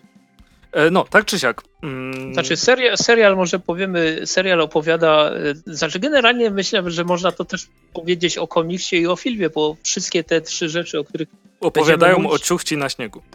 Tak, opowiadają o tym samym. Mamy, mamy rzeczy, mamy świat, w którym, żeby zatrzymać katastrofę klimatyczną, zrobiono taki, taki myk, że cała Ziemia zamarzła. No i o, e, tam ostatnie strzępki ludzkości poruszają się w, pociągu napędzanym e, wieczną energią, bo, bo tam ten Snowpiercer jest jakoś tak skonstruowany, że że ma wieczny dostęp do energii, no i jeżdżą sobie w kółko po zamarzniętym glo globie. I tylko, że e, nie jest tak fajnie, że tam jest równość, braterstwo i tak dalej, tylko mamy podział no, klasowy. Tylko zostawili nie. stary świat i zamknęli go w wagonach. Dokładnie. Jest, jest klasa pierwsza, jest klasa druga, jest klasa trzecia. W każdej klasie żyje się źle, e, znaczy coraz gorzej, a jest przede wszystkim ten ogon. Ogon to są ludzie, którzy się dostali na Snowpiercera bez biletu, można powiedzieć. No i oni żyją w, najgo w najgorszych możliwych warunkach, jak tylko, tylko da się żyć na samym końcu tego, tegoż pociągu. I każdy, e, ka zarówno serial, komiks, jak i film opowiadają historię ludzi z tego ogona, którym udaje się z tego ogona wydostać w pewien sposób. I w Snowpiercerze mamy tutaj do czynienia e, przykładowo z detektywem Andre, Lloyd, Andre Lloyd, Lightonem. I mówiąc który... Snowpiercer, pomimo że wszystko się tak nazywa, chodzi nam teraz o serial. Tak jest, e, o serial. E, więc głównym bohaterem jest tutaj Andre Layton, który e, na polecenie mm, Melanie Kevil, która jest taką, można powiedzieć, zarząd zarządczynią, tak. kierowniczką pociągu, można tak powiedzieć. O tak, tak, bo w sumie jest kierownik pociągu. No tak, tak, tak, jest kierowniczką tak, no, pociągu. Więc on zostaje wydostany, wy, wydostaje się z, on zostaje wezwany o, z tego ogona, żeby rozwiązać zagadkę morderstwa. Tak, tak, tak się dzieje na samym początku serialu, ponieważ jakimś dziwnym trafem jest jedyną osobą na, na całym, w całym pociągu, która pracowała swego czasu jako detektyw. Od tego, seri od tego serial się zaczyna, ale tam później oczywiście dochodzi wątek buntu wśród mieszkańców ogona. E, I, ten, no i... To, to nie jest tak, że on tak znikąd też powstaje, ten motyw, tak, prawda? On jakby tak, jest, tak, tak. jest też od początku mówiony, że, że będzie. Tak, i Andre po prostu wy, wykorzystuje to, że e, może opuścić ogon, żeby się jakoś mo dużo mocniej, e, jakby to powiedzieć, zorientować w budowie całego pociągu. Mhm. Więc e, tak, taki jest, można powiedzieć, zarys e, fabuły serialu. Później się przekonacie, że w przypadku serialu, y, w przypadku komiksu i filmu, ten, ten, ten główny punkt wyjścia fabuły jest, jest podobny za każdym razem, ale historie w zupełnie innych kierunkach, można powiedzieć, no, z, zmierzają. E, mhm. I w przypadku serialu, no tak na, na początku mamy właśnie te dwa, trzy odcinki, gdzie jest taka, e, można powiedzieć, praca detektywistyczna, natomiast później dochodzi do, do głosu już ten bunt ludzi, ludzi z ogona. Tam oczywiście nie będziemy mówić, jak to, jak to się ostatecznie skończyło. Mm, Bo się ale, ale serialu. No, no, no. Tak, ale, ale moim zdaniem fi, finał sezonu jest chyba najgorszym odcinkiem tego. Te, tego. No. Bo ten, ten twist, który się tam pojawia. No jest przewidywalny jest od dawna. Znaczy, ale dla mnie to on znaczy, jest, to nie jest coś złego. On jest dla mnie jednocześnie kompletnie z czapy wyciągnięty. Tak, no tutaj mówię, nie, nie będziemy się w, w, szczegóły wchodzić, bo jednak będziemy unikać jakoś spoilerów, ale no... Nie, A czemu jakoś, z czapy? Jakoś tak... nie, nie uważam, żeby był z czapy. Znaczy, dobra, on tam, tam y, sygnalizują pewne rzeczy przez cały serial i faktycznie mhm. można było się domyśleć, co, co, się w końcu stanie, tylko, tylko kurczę, mogę tak se walnąć spoilerka, czy nie mogę? No, na, na, koniec do tego wrócimy w no, takim razie, dobra, bo będzie dobra, łatwiej no, ci to wypikać sobie w e, rozpisce. Dobrze, dobrze. Po, po, po, prostu teraz mogę powiedzieć, że, że dla mnie finał sezonu jest taki troszeczkę szczapy, później do tego wrócę, ale generalnie serial mi się podobał. E, zarówno e, Jennifer Connelly w swojej roli jest, jest bardzo fajna. Ten Andre Layton, ja tam sobie sprawdziłem, aktor, który go gra, on się nazywa David Dix, tylko że przez e, dwa F. David e, Dix i on jest, on generalnie może nie jest jakimś wielkim, wybitnym aktorem serialowo-filmowym, ale on jest e, bardzo doceniany na deskach teatru, a żeby grać na deskach teatru, to trzeba, trzeba coś umieć zdecydowanie. Więc e, i on też w swojej roli mi się podoba. Ogólnie du dużo osób z tego serialu w swoich rolach są, jest całkiem fajnie obsadzonych. Ta, jejku, jak ona się nazywa? Ruth Ruth, Ruth ta taka blondynka, która też e, w obsłudze pierwszej mhm. klasy pracowała. No, bardzo, bardzo fajna postać. Ona, ona mi się podobała też przez cały serial. No i tak jak już wspomnieliśmy, ta LJ, e, ona jest grana przez tutaj sobie podpatruje Analisa Basso. Kurczę, tak denerwującej postaci w serialu to ja już dawno nie widziałem, więc to też jest wielki plus, że ona gra tą postać tak, że naprawdę cię to wkurza. Mhm, mhm. A chciałem tylko jeszcze powiedzieć, że e, David Dix będzie podkładał głos pod kraba Sebastiana mhm. w Małej Syrence. Okej, okay. no to nawet sobie nie sprawdziłem tego aż tak, aż tak bardzo mocno. E, co jeszcze z obsady? E, tylko, że tutaj to jest już ta, takie, takie moje osobiste przemyślenie, bo ja na przykład strasznie lubię rzeczy, w których się pojawia Steven Ogg. To jest ten, który zagrał Pajka w, nie wiem, dwóch mhm. czy trzech odcinkach się pojawił. E, on, to jest taki... Mm, nie, nie, nie. On się pojawił w dwóch czy trzech. Ja wiem, że ty pewnie sobie sprawdzasz na IMDB. A tak robię. No, tylko, tylko wiesz, to jest ten, on, ten gość, co się pojawił w pierwszym odcinku, później go zamrozili i się tam dopiero pod Nie no, ja pojawił. wiem kim jest Pike, spoko. Ale no, no, no, też wiesz, że on nie był w dziewięciu odcinkach. Może gdzieś tam był wspominany czy coś, ale, A, no ale może. przez no to dobra, serialu, dobra. Kontynuując. W każdym, razie, w każdym razie ja tego aktora strasznie lubię, bo on jest taki, kurczę, on jest bardzo charakterystyczny, on z reguły gra takich dupków, ale on tak fajnie gra tych dupków, że kurczę, ja, ja, za każdym razem jak go widzę na ekranie, czy to było w The Walking Dead na przykład, się, się pojawiał przez, przez jakiś czas, czy to właśnie e, jak, jak ten serial się nazywał? On był i w e, Westworldzie i był w Kleszczu przecież, no, no w wielu rzeczach się mhm. pojawił. Ta, tak, właśnie w Kleszczu, ale on chyba najbardziej jest znany z Trevora Phillipsa. Tak, GTA. GTA 5, wspaniała rola, jak no, kwintesencja szaleństwa w człowieku. Trevor, no, bardzo specyficzna postać.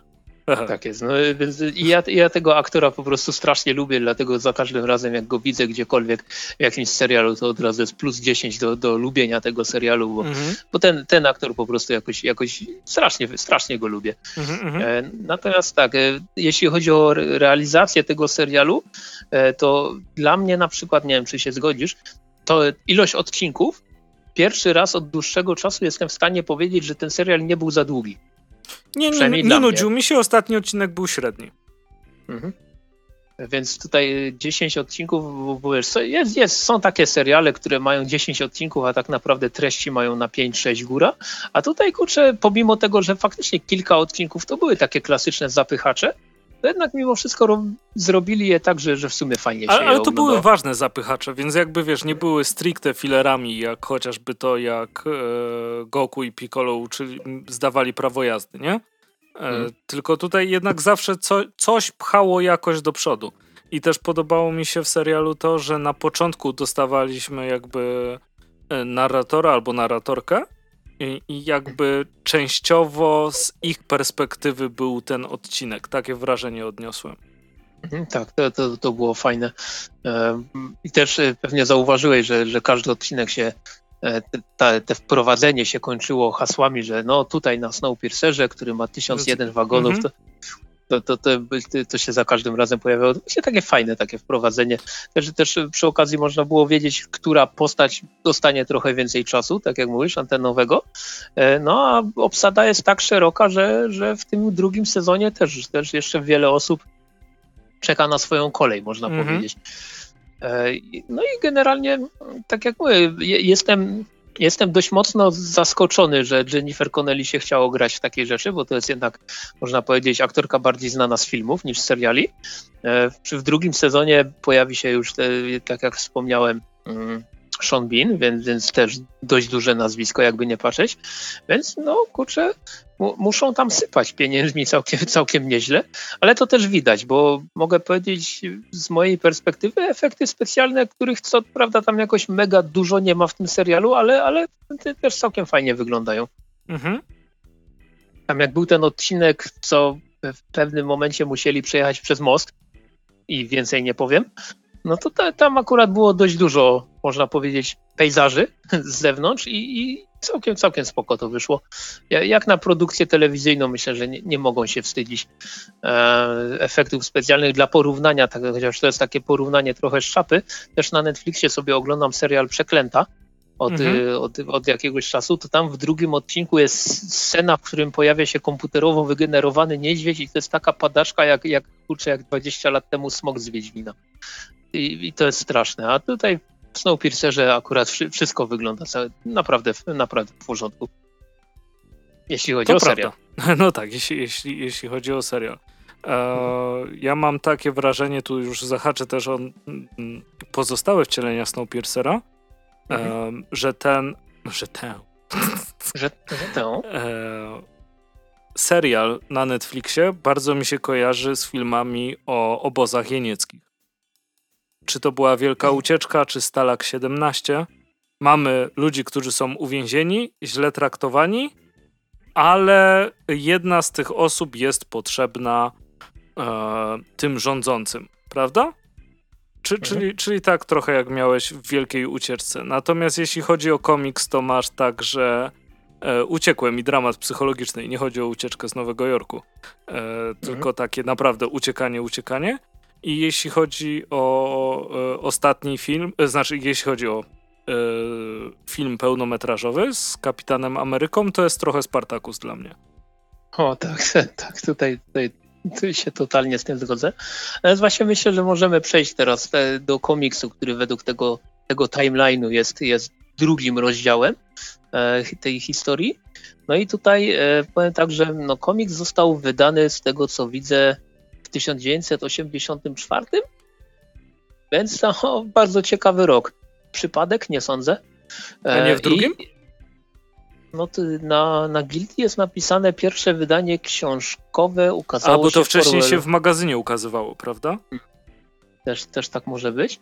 E, I tutaj e, fabuła też polega na, na tym, że ktoś wydostaje się z ogona do, do, do klasy trzeciej, zostaje złapany bo tutaj głównym bohaterem jest mężczyzną, jak on się nazywa, Prolow. Mhm. E, I, i te, te, tylko, że on nie ma żadnego celu, on po prostu chciał stamtąd uciec. I to jest e, komiks, który mm, opowiada, y, przynajmniej ten pierwszy tom, to jest taka, tak głównie to jest po prostu wycieczka, wycieczka przez pociąg. Tam się owszem dzieją po drodze jakieś rzeczy, tylko tutaj wydaje mi się, że w tym pierwszym tomie komiksu twórcy chcieli przede wszystkim pokazać budowę i tą hierarchiczną strukturę mhm. Y, samego Snowpiercera. No i jest e. taki bardzo dobry przekrój właśnie tego mm, społeczeństwa pociągowego, ale też e, to, co mi się tutaj bardziej, bardzo podoba, jakby te wizje przyszłości z lat 80., ten pociąg wygląda po prostu jak pociąg. Mhm. Bo, tak, bo w serialu tutaj... i w filmie to już nie wygląda jak pociąg, prawda? Tak, w serialu to już wygląda jak czołg na torach bardziej. E, ale też e, patrząc na same wagony, tu masz po prostu wagony z przedziałami w komiksie, nie? Mhm. E, tak, ale w serialu też, też pojawiały się przedziały w niektórych wagonach. E, nie, nie, nie mówię, że nie, natomiast wiesz, wagon mhm. nocny to trochę inaczej wyglądał, nie? No, no, no, tak, zdecydowanie. No ale to też właśnie trzeba wziąć pod uwagę to, że, że komiks powstał jakby nie patrzeć 35-36 lat temu, więc tam. E, znaczy, ja nie mówię, że to jest wada dla mnie, żeby, żeby nie, tak nie, nie, tego nie odebrać. Ja, ja, roz, ja, rozumiem, ja rozumiem, tylko właśnie mówię, że też myślę, że ten czas e, powstania tego, tego komiksu tak powiedzmy narzucił też trochę wygląd, wygląd e, pociągu w tymże komiksie. Myślę, że gdyby dzisiaj rysowano Snowpiercera na nowo, to już ten pociąg by wyglądał troszeczkę inaczej. E, tak, takie odnoszę wrażenie. Ja tylko tutaj oczywiście dodam, że scenarzystą komiksu jest Jacques Loeb, natomiast ilustratorem Jean-Marc Rochette. E, komiks w Polsce ukazał się dzięki wydawnictwu Kurs, oczywiście tam podlinkujemy, mm, i ukazał się w dwóch wersjach okładkowych. Jest e, okładka standardowa, ta, którą e, widziałeś i jest wersja wariantowa, która jest, kurczę, ładna, no bardzo ładna. Mhm. E, I na Gildii wersja standardowa kosztuje 58 zł 50 groszy. Okładkowo 60. Tak, natomiast ta limitowana nie, nie, ma żadnego, nie ma żadnego rabatu, kosztuje po prostu 65 zł. E, I, i to jest, e, jeśli chodzi o ten komiks, to powiem tak, że on zrobił na mnie bardzo duże pozytywne wrażenie. E, mhm. Ja, ja, ja, cały czas tak pół żartem, pół serio mówiłem jakiś czas temu, że e, co w sumie może być fajnego w historii o pociągu, który jeździ w kółko i, i serial, i komiks, i film po części też, chociaż on mi się aż tak nie podobał, jak tobie prawdopodobnie, e, to pokazały, że faktycznie o pociągu, który kręci się w kółko po zamarzniętej ziemi, można zrobić naprawdę fajne historie. E, I, I, jestem ciekaw, jak to się rozwinie, bo komiks, z tego co widzę, no jeszcze pojawi, powinien się pojawić drugi i trzeci tom za, jakiś czas. E, ten, ten pierwszy, e, ta, on, on, ma tr trochę ponad 100 stron, jeżeli dobrze pamiętam, ale całkiem dużo treści w nim jest i dowiadujemy mm. się, jak, jak ten pociąg wygląda od środka, właśnie ta, ta hierarchiczność. Mamy osoby, które pomagają, znaczy chcą pomagać osobom z, z ogona, są tacy, którzy nie chcą o tym słyszeć oczywiście. Mm, jest on taki też można powiedzieć oczywiście nie tak jak wspomniany wcześniej Oscaret, że jest to taki komiks troszeczkę przytłaczający mm, jest taki dość, dość smutnawy w pewnym momencie, w pewnych momentach. Mhm. Natomiast o, czytając go odnosiłem jednak wrażenie, że to jest taki bardzo długi wstęp do zasadniczych wydarzeń, mhm. które dopiero są przed nami. Przynajmniej takie odniosłem wrażenie. E, I tu się zgadzam całkowicie, ale chciałbym tylko dodać, że jak na komiks z lat 80. się nie zestarzał, jeśli chodzi o narrację. Bo, tak, tak. Bo jest, niektórych komiksy z lat 80. musisz odblokować sobie styl czytania, znaczy czytanie komiksów w tym stylu, co jest osobną umiejętnością często. Natomiast ten e, jest bardzo aktualny, jeśli chodzi o sposób komiksowego opowiadania historii. No i to jest fajne, no bo nie, nie przeterminował się w tym, niestety nie przeterminował się też z treścią. No ale co mhm. zrobić? No co zrobić, ale, ale to jest fakt, że właśnie jakoś tak fajnie się, za, zawsze mocniej się docenia rzeczy, które mają te powiedzmy 30-40 lat na karku, a wciąż czyta się je dobrze. Mhm. Tutaj często w podcaście wspominamy, że takie rzeczy, które się nie starzeją, to jest właśnie Karl, Karl Barks czy, czy Garfield czy coś, ale, ale jednak w tych takich w cudzysłowie poważnych komiksach też się zdarza dużo rzeczy, które się nie przeterminowały przez te wszystkie lata i Snowpiercer, przynajmniej ten pierwszy tom zdecydowanie tak wygląda. Na mm, przykład sędziego I... Dreda starego się dość ciężko czyta. No te, te czarno-białe rozdziały, no, ale... Nie mówię, wiesz, że się nie da, tylko to jest e, po prostu styl, styl opowiadania historii przez komiks z tamtych czasów. I jeszcze mhm. z Anglii. Tak, ja, ja na przykład mam z kolei duży problem z e, komiksem amerykańskim, ale ty, tym, tym, tym z lat powiedzmy bardziej 60., 70., jak się e, czyta, jak się dorwie nieraz te wydania Golden Age, Silver Age, mm -hmm. stra strasznie ciężko mi się przez to przebić. No ale wracając do Snowpiercera, e, do komiksu. Mm, komiks jest czarno-biały, I, I tutaj też mi się bardzo podobało to, że e, no nie wszystkie czarno-białe komiksy potrafią wykorzystać to, że są czarno-białe, jakkolwiek dziwnie to brzmi. A, a tutaj te szarości właśnie bardzo fajnie grały, jak tak sobie spojrzycie na e, strony przykładowe, chociażby na Gildii, jest tam, taka, mm, jest tam taka plansza, gdzie właśnie jest więcej czerni niż czegokolwiek innego i to jest bardzo fajnie, bardzo fajnie narysowane. Tutaj e, ilustratorowi absolutnie nie mogę nic zarzucić e, w jego pracy. Czy bardzo mi się podobają te czapeczki, które noszą żołnierze z Snowpiercera. Mm -hmm. to, to, jest bardzo, bardzo, bardzo fajny projekt.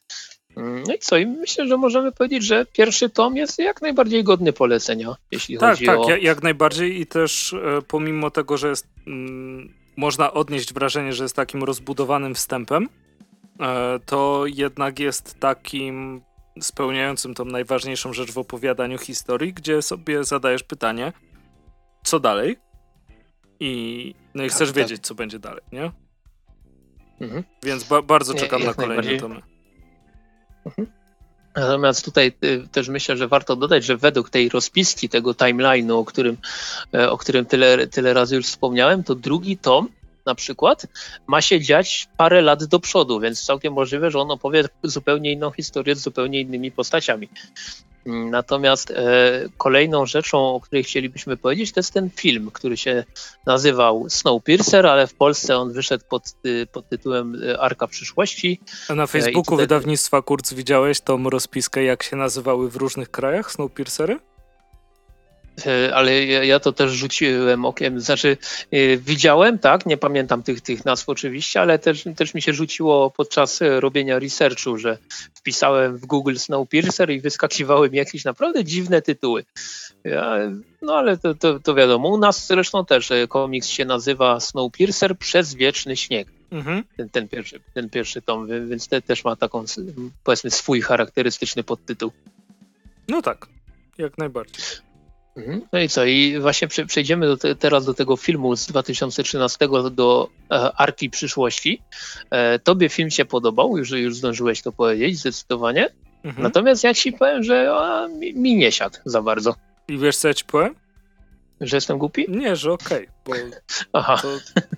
Natomiast mam dla ciebie ciekawostkę. Mhm. Pozwolisz, że ci ją przeczytam w języku angielskim. Okej. Okay. Jestem oczywiście Postaram. cwaniakiem, wziąłem to z IMDb. Oczywiście. Uh, TNT released a timeline for the Snowpiercer saga, citing that the series took place seven years following the extinction event. Ev event. Oh, cholera. Uh. Extinction event. While the tak. movie tak. takes place 17 years post extinction. This mm-hmm. means that despite the show being based on the movie, the events of the show predate the. Aha, czekaj, co to za gówno? Zakręciłem Aha. się, źle to przeczytałem sobie w głowie. Tak, cofamy. Du, du, du, du, du, du. Nie było nic. No, więc powiem ci, że dobrze, że ci. Okej, okay, że ci się nie podobał, nie? No twoje, ale to znaczy, nie, nie, podobał nie powiem, ci się, czy nie zachwycił cię w ten sposób? Nie, zachwyci, nie zachwycił mnie, bo jak po prostu wiesz, obejrzałem, e, jakby, jak ja to lubię mówić, to jest taki dla mnie taki film do niedzielnego obiadu, że, że wiesz, że. No to jest taki na... hardkorowy Mario, idą w prawo cały czas. Tak, że, że tu patrzę sobie w, na, na ekran, a później patrzę na telefon, tu patrzę na, na talerz i w sumie nic mi nie umyka, tak na dobrą sprawę. E, jestem troszeczkę zaskoczony tym, że film, który ma takiego reżysera, taką obsadę, mi się tak bardzo, nie, znaczy no nie, że nie podobał, tylko dla mnie był tak bardzo nijaki po prostu w swoim, mm -hmm, w swoim, w swoim zarysie. I tutaj znowu mamy historię, że e, mieszkańcy ogona wydostają się z tego ogona i wzniecają bunt. Na czele jest Curtis grany przez Chrisa Evansa i tam po drodze się pojawiają takie postacie, tacy aktorzy jak Tilda Swinton, jak zwykle. Ed Harris, jak, jak to zazwyczaj. Tak, tak y, Tilda Swinton jak, jak, zwykle zaskakująca w swojej roli, bardzo mi się podobała jej charakteryzacja. No ale też, też mamy tutaj kilku innych aktorów, może już nie, nie, tak, zna, nie tak znanych, ale też w swoich rolach całkiem nieźle sobie e, radzili. Mm, tutaj Kang Ho Song, który grał tego, jejku, ciężko to teraz mi przeczytać, Nam, Namgunga Minsu. E, mhm. No, no to była postać dla mnie najciekawsza w tym filmie. I, i ta, ta druga Koreanka tutaj Go Ah-sung, która grała jo, Jonę, tą młodszą siostrę, no to to był ten taki duet, który mnie w sobie trzymał przy tym filmie, bo no, reszta mi się jakoś nieszczególnie mocno podobała. Nie, że mi się, nie, że dramat, o jejku, straciłem dwie godziny życia, czy coś, czy coś ten desen, tylko po prostu no, widziało się fajniejsze filmy, jak dla mnie. No, jak najbardziej to rozumiem. To nie jest, wiesz, jakby film, który całkowicie zmienił moje życie. Ja jestem też mm, E, lubię kino koreańskie, w ogóle kino azjatyckie lubię. E, I tutaj też się dobrze bawiłem, jakby Snowpiercer jest chyba najdroższym koreańskim filmem w historii. To jest koprodukcja, co prawda, koreańsko-czeska. Ale wciąż. E, koreańsko-francuska. Z tego, co widzę na Wikipedii. Tak, a Czesi, ta, bo Czesi tam na pewno coś robili, wydaje mi No to, to jest do, do patrzenia, e, oczywiście, mm. nie będę się upierał mm, producent jest Czechem, wiesz? Mhm, okej. Okay. Tak czy siak. Natomiast, y, mm, natomiast y, no powiem tak, że, że film, najmocniej, co mnie zaskoczyło w tym filmie, o to, myślę, że to mogę powiedzieć, to jest końcówka tego filmu, bo e, tylko, że no tutaj już bym musiał polecieć, polecić ze spoilerem, więc może to też sobie troszeczkę na, na później zostawię, ale końcówka mnie zaskoczyła z pewnego powodu e, i, i w sumie to jest kurczę, no tyle, co, co z tego filmu zapamiętałem, ale swoją drogą muszę przyznać, że jak, jak e, film sobie odpaliłem, to przez y, pierwsze 10 minut się zastanawiałem, gdzie ten Chris Evans w ogóle jest, bo on jak był w tej czapce i w tym ogonie, gdzie było ciemno, to go, to go nie poznałem w ogóle. Przez, przez, przez kilka minut dopiero tam się, a mówię, a to chyba on. Więc, więc no generalnie film jest, serial jest dość podobny do filmu tam w pewnych ogólnych założeniach, bo też mamy, że e, jest bunt w tym ogonie, oni wychodzą z tego ogona i idą przez ten przez ten pociąg, tak jak Andrzej powiedział, ciągle w prawo, jak Mario. Mhm. No, i, no, i, no i jest to samo, że idą przez trzecią klasę, drugą klasę, pierwszą klasę, tam widzą jak to wygląda, jak to ży, życie w innych wagonach, no i na końcu dochodzą do tej lokomotywy, więc i, i film, i serial są bardzo zbliżone, jeśli chodzi o taką ogólną, ogólną konstrukcję. E, Tylko fabuły. wydaje mi się, wiesz, że jakby mm, serial jest powiedzmy trochę bardziej realistyczny, że jest tam wytłumaczone co jak działa i tak dalej, i tak dalej. Natomiast w filmie te wagony są bardzo mm, bardzo symboliczne. E, umowne, o? No, no, no. Wydaje mi się, że jednak symboliczne to jest to słowo, którego szukałem. E, no bo, nie, bo, bo wiesz, jakby symbolizują powiedzmy to, co w wyższych klasach może przeszkadzać niższym klasom. Mhm. E, natomiast e, w serialu jest tak, że jesteś w stanie to jakby zaakceptować, że takie społeczeństwo mogłoby ewentualnie istnieć, bo wiesz, bo jest wytłumaczone, tu są wagony od tego, tu są wagony od tego i tak mieszkacie tutaj, tu jest y, ziomeczek, który robi papier i tak dalej, i tak dalej, a w filmie masz wagon, który jest, wiesz, wielką imprezą jakby, nie? Natomiast jakby zastosowanie wagonu nocnego w serialu jest o wiele ciekawsze. Tak, tak, tutaj, tutaj się zgodzę oczywiście. Um, czy, czy może przejdziemy już do tej części takiej bardziej spoilerowej? No dobra. Bo to, co mi się zdecydowanie, naj, naj, więc tutaj e, zaczynają się spoilery, jak nie chcecie, to, to nie słuchajcie dalej. To, co mi się najmocniej gryzie w tym wszystkim, E, Mówisz o właśnie, wszystkim, czy o serialu? Tak, o, o wszystkim, o wszystkim. Mhm. O serialu, komiksie, filmie. To jest to, co pisałem ci zresztą na Facebooku jakiś czas temu, że według tego oficjalnego timeline'u, jak już wspominaliśmy, jest kolejność taka. Serial, komiks, film. I mamy sytuację taką, że w serialu jest pan Wilford wspominany non-stop jako twórca pociągu, jako dobroczyńca wszystkiego i tak dalej, i tak dalej. W filmie mamy, czyli w tej pierwszej części, w serialu jest ciągle wspominany. W filmie, czyli trzeciej części tej swoistej takiej trylogii, znowu pan Wilford, pan Wilford, kochamy go, twórca wszystkiego, on się nawet w tym filmie pojawia, tutaj Ed Harris go gra. Natomiast w tej środkowej części tej historii, czyli w komiksie, to nazwisko nie pada nawet w ogóle. Przez, przez 112 no, no, no. stron, przez 112 stron nie ma pana Wilforda w ogóle. I dodatkowo mamy na przykład coś takiego jak prezydent pociągu jest w komiksie, który ma zupełnie inne nazwisko i, i, i wiesz, i generalnie to, to, to jest taka rzecz, która w tym timeline mi w ogóle nie pasuje, że z jakiegoś powodu, je, jeżeli oczywiście ten timeline udostępniony, gdzie się tylko da, jest faktycznie obowiązujący, no to z jakiegoś powodu w środkowej części tej takiej swoistej trylogii nie ma pana Wilforda w ogóle. Dobra, to, I, i tego, okay. tego, nie, tego nie kumam. Natomiast druga rzecz, która... A to y, poczekaj, tylko... to ja odpowiem na, na pierwszą rzecz, dobra? Mhm. No jasne. Według mnie ten timeline jest z dupy i po prostu go wsadzili, bo ludzie lubią timeliny.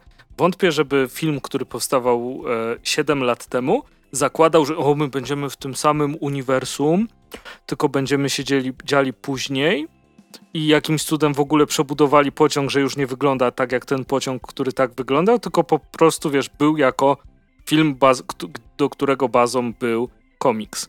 I został mhm. stworzony, wiesz, szkieletor w postaci Eda Harrisa e, i jako główny zły, więc jakby e, zrobienie tego, o nie, to jest timeline, bo to jest teraz oficjalne uniwersum i będziemy je doić, jakby jutra miało nie być, e, mhm. jest naprawdę z dupy zabiegiem. Y, I komiks powinien być komiksem, film jest na podstawie komiksu, ok, jeśli się łączy z serialem, dalej jest ok, ale wiesz, jakby y, wciskanie na siłę yy, komiksu w ten timeline jest moim zdaniem mega do dupy. No właśnie generalnie też druga rzecz, o której chciałem powiedzieć, to jest e, zakończenie filmu, który też w ogóle nie pasuje do tego timeline'u, bo znowu pamiętajcie spoilery, no jak się film kończy, Snowpiercer się rozdupca, wszyscy giną i tylko tam dwie osoby przeżyły mniej więcej, nie? I okazuje Być się, że wcale, nie, że wcale nie jest tak zimno, jak miało być zimno. Mhm. Natomiast według timeline'u e, drugi i trzeci tom komiksu dzieje się po filmie. Więc co tam się ma dziać w tym momencie? No to, to dalej, ten, dalej postawili. Pod... No, no, no. no. Mów, postawili mów. ten pociąg i on ciśnie dalej, czy co, kurczę, no, no wiesz, no. To dalej pod, pod... podkreśla, że timeline jest do dupy i powinniście się cieszyć każdym z tych produktów kultury osobno. No ja mam swoisty ból dupy z powodu tego timeline'u, bo jeżeli już coś takiego pokazali, jest tutaj jak byk napisane Snowpiercer Official Timeline, included graphic novels, to movie and TV show, no to to powinno się trzymać czegokolwiek, a tutaj się nic nie trzyma tak na dobrą sprawę e, te, tego, co tu jest pokazane. No i e, też, tak jak miałem wcześniej powiedzieć, w przypadku serialu jest ten ostatni odcinek mm, ostatni odcinek sezonu, w którym nagle się dowiadujemy, że jest w ogóle drugi pociąg, który cały czas cisnął, zasnął Piercerem po jakichś innych torach to równoległych. Było niespodziewane, no. No tak, no znaczy ja wiem, że przez cały serial tam mówili, nie, że ten Snowpiercer ma tam, on tam coraz wolniej jedzie, coś tam tego, że zapasy się kończą, no to było można przewidzieć, że coś się musi zda zdarzyć, żeby te zapasy się znalazły i myślę, że to drugi pociąg, który nagle się pojawił, to jest, to, to jest ta odpowiedź. No tylko, że wiesz, przez cały serial e, mówią, że zresztą główna bohaterka Jennifer Connelly jej tutaj postać, teraz, teraz zapomniałem jak się tam nazywa, nieważne. No, no, no. I no. ona, no i ona mówi, że ona stworzyła tak na dobrą sprawę tego Snowpiercera, bo ona go zaprojektowała, ona tam nadzorowała budowę, a ten cały pan Wilford tylko jej ukradł tak, tak na dobrą sprawę efekt końcowy, co i ona jest zdziwiona widząc drugi, drugi pociąg, bo mówi, że ej, tu przecież był tylko projekt, on nie, w zasadzie miał nie jeździć, nie? A tu się okazuje, że nie tylko jeździ, to jeszcze ich dogonił. E, no i, i, i są takie rzeczy, które właśnie mam, mam ból dupki o ten timeline, bo on się kupy totalnie nie trzyma, więc więc, Ale no, czemu ty się w ogóle przejmujesz tym timeline'em? Przecież to jest jakiś, no, wiesz, z dupy kreska z kreseczkami i powiedziane, no, że to jest tu, to jest tu, to jest tu. Znaczy, chodzi o to, że wiesz, za, przed startem serialu nie znałem ani komiksu, ani filmu i w ogóle ten świat był dla mnie totalnie anonimowy. No i jak się pojawia official timeline, no to stwierdziłem, ok, to sobie najpierw obejrzę serial mniej więcej, później sobie przeczytam komiks i, i na końcu obejrzę film, chociaż totalnie tak nie zrobiłem. I, I wiesz, no i później tak sobie mówię, no to po jaką cholerę, wiesz, z taką pompą ogłaszali tą grafikę, bo to mówię ci, to wszędzie się pojawiło i na CBR-ze to było i na Newsaramie, czy jak to się tam teraz nazywa, i na jakimś deadline, i na, i na całej masie serwisów, takich informacyjnych, komiksowych się, ten, się to pojawiło, ta grafika i nie tylko zresztą, bo też widziałem w Polsce na, na stronach typu tam, nie wiem, Filmweb czy na ekranie. I mówię, no kurczę, no z taką pompą robią coś, co w ogóle nie ma najmniejszego sensu, no to nawet wiesz, na, nawet nie wiem, y, no, filmy z Marvela idzie łatwo ułożyć chronologicznie i to ma, ma ręce i nogi, a tutaj mamy tak na dobrą sprawę jeden komiks, jeden serial, jeden film i to, i to jest do dupy i to się nie trzyma niczego. I z tego powodu mam taki, mam taki ból o to. E, natomiast faktycznie, tak jak, tak jak mówiłeś, e, no to jest taki mój największy problem, ale z drugiej strony ja rozumiem, że to nie jest jakiś wielki problem, bo bo, no bo ten, ten serial się oglądało fajnie i komiks się oglądało i czytało fajnie, ten film może mi nie siadł, ale wiem, że są osoby, który, którym się podoba, między innymi ty oczywiście, no mhm. I, i wiesz, ja no wiesz, jak już zauważyłem, że ten timeline się kupy dupy w ogóle nie trzyma, to też zacząłem to traktować jako trzy osobne byty, no i tak, no i ciśnienie od razu spadało i jest fajne, nie? Tylko, tylko wiesz, no cały czas mam po prostu gdzieś z tyłu głowy, że no, jest sytuacja i mówią, o patrzcie, jest super wykres czasu i tego się trzymajmy, a później się ogląda i to, to się niczego nie trzyma. E, ja, ja bardzo doceniam oczywiście i film, i, i, i komiks pod względem tego, że są fajnie, fajnie zrealizowane. Ja nie mogę powiedzieć, że ten film jest tam pod kątem, nie wiem, reżyserii, scenografii, czy coś, że, że, że jest słaby do dupy, czy coś w ten deseń. Obie, obie adaptacje, ekranizacje jakkolwiek to nazwać, e, mi się, mi się podobają pod kątem realizacyjnym. Komiks mi się podoba pod każdym możliwym, możliwym kątem, tylko no po prostu to jest ten, ten taki jeden mój mały wrzut na, wrzut na tyłku przy całym tym Snowpiercerze, że, że promocja tego, tego komiksu i całego tego świata no, trochę, trochę nie dała rady zdecydowanie. No to, Więc... znaczy y, ro, rozumiem, bo moim zdaniem jest to niepotrzebne, tak jak już parę razy mhm. wspominałem, e, bo tylko psuje, wiesz, odbiór, bo zaczynasz widzieć dziury logiczne i, i może być to irytujące, a tak naprawdę nie było potrzebne, nie? Bo jeśli by pewnie dałoby się zapętlić e, serial i film razem jako uniwersum, nie? I te teraz komiksy, mhm. co powstają jako prequele, też mógłbyś do tego dodać, ale tylko zaznaczyć, że to jest wzorowane na komiksie. Mhm. E, chociaż zobaczymy, co będzie po drugim sezonie, nie? I zobaczymy, tak, jak tak, będzie oczywiście. wyglądał drugi tom e, komiksu.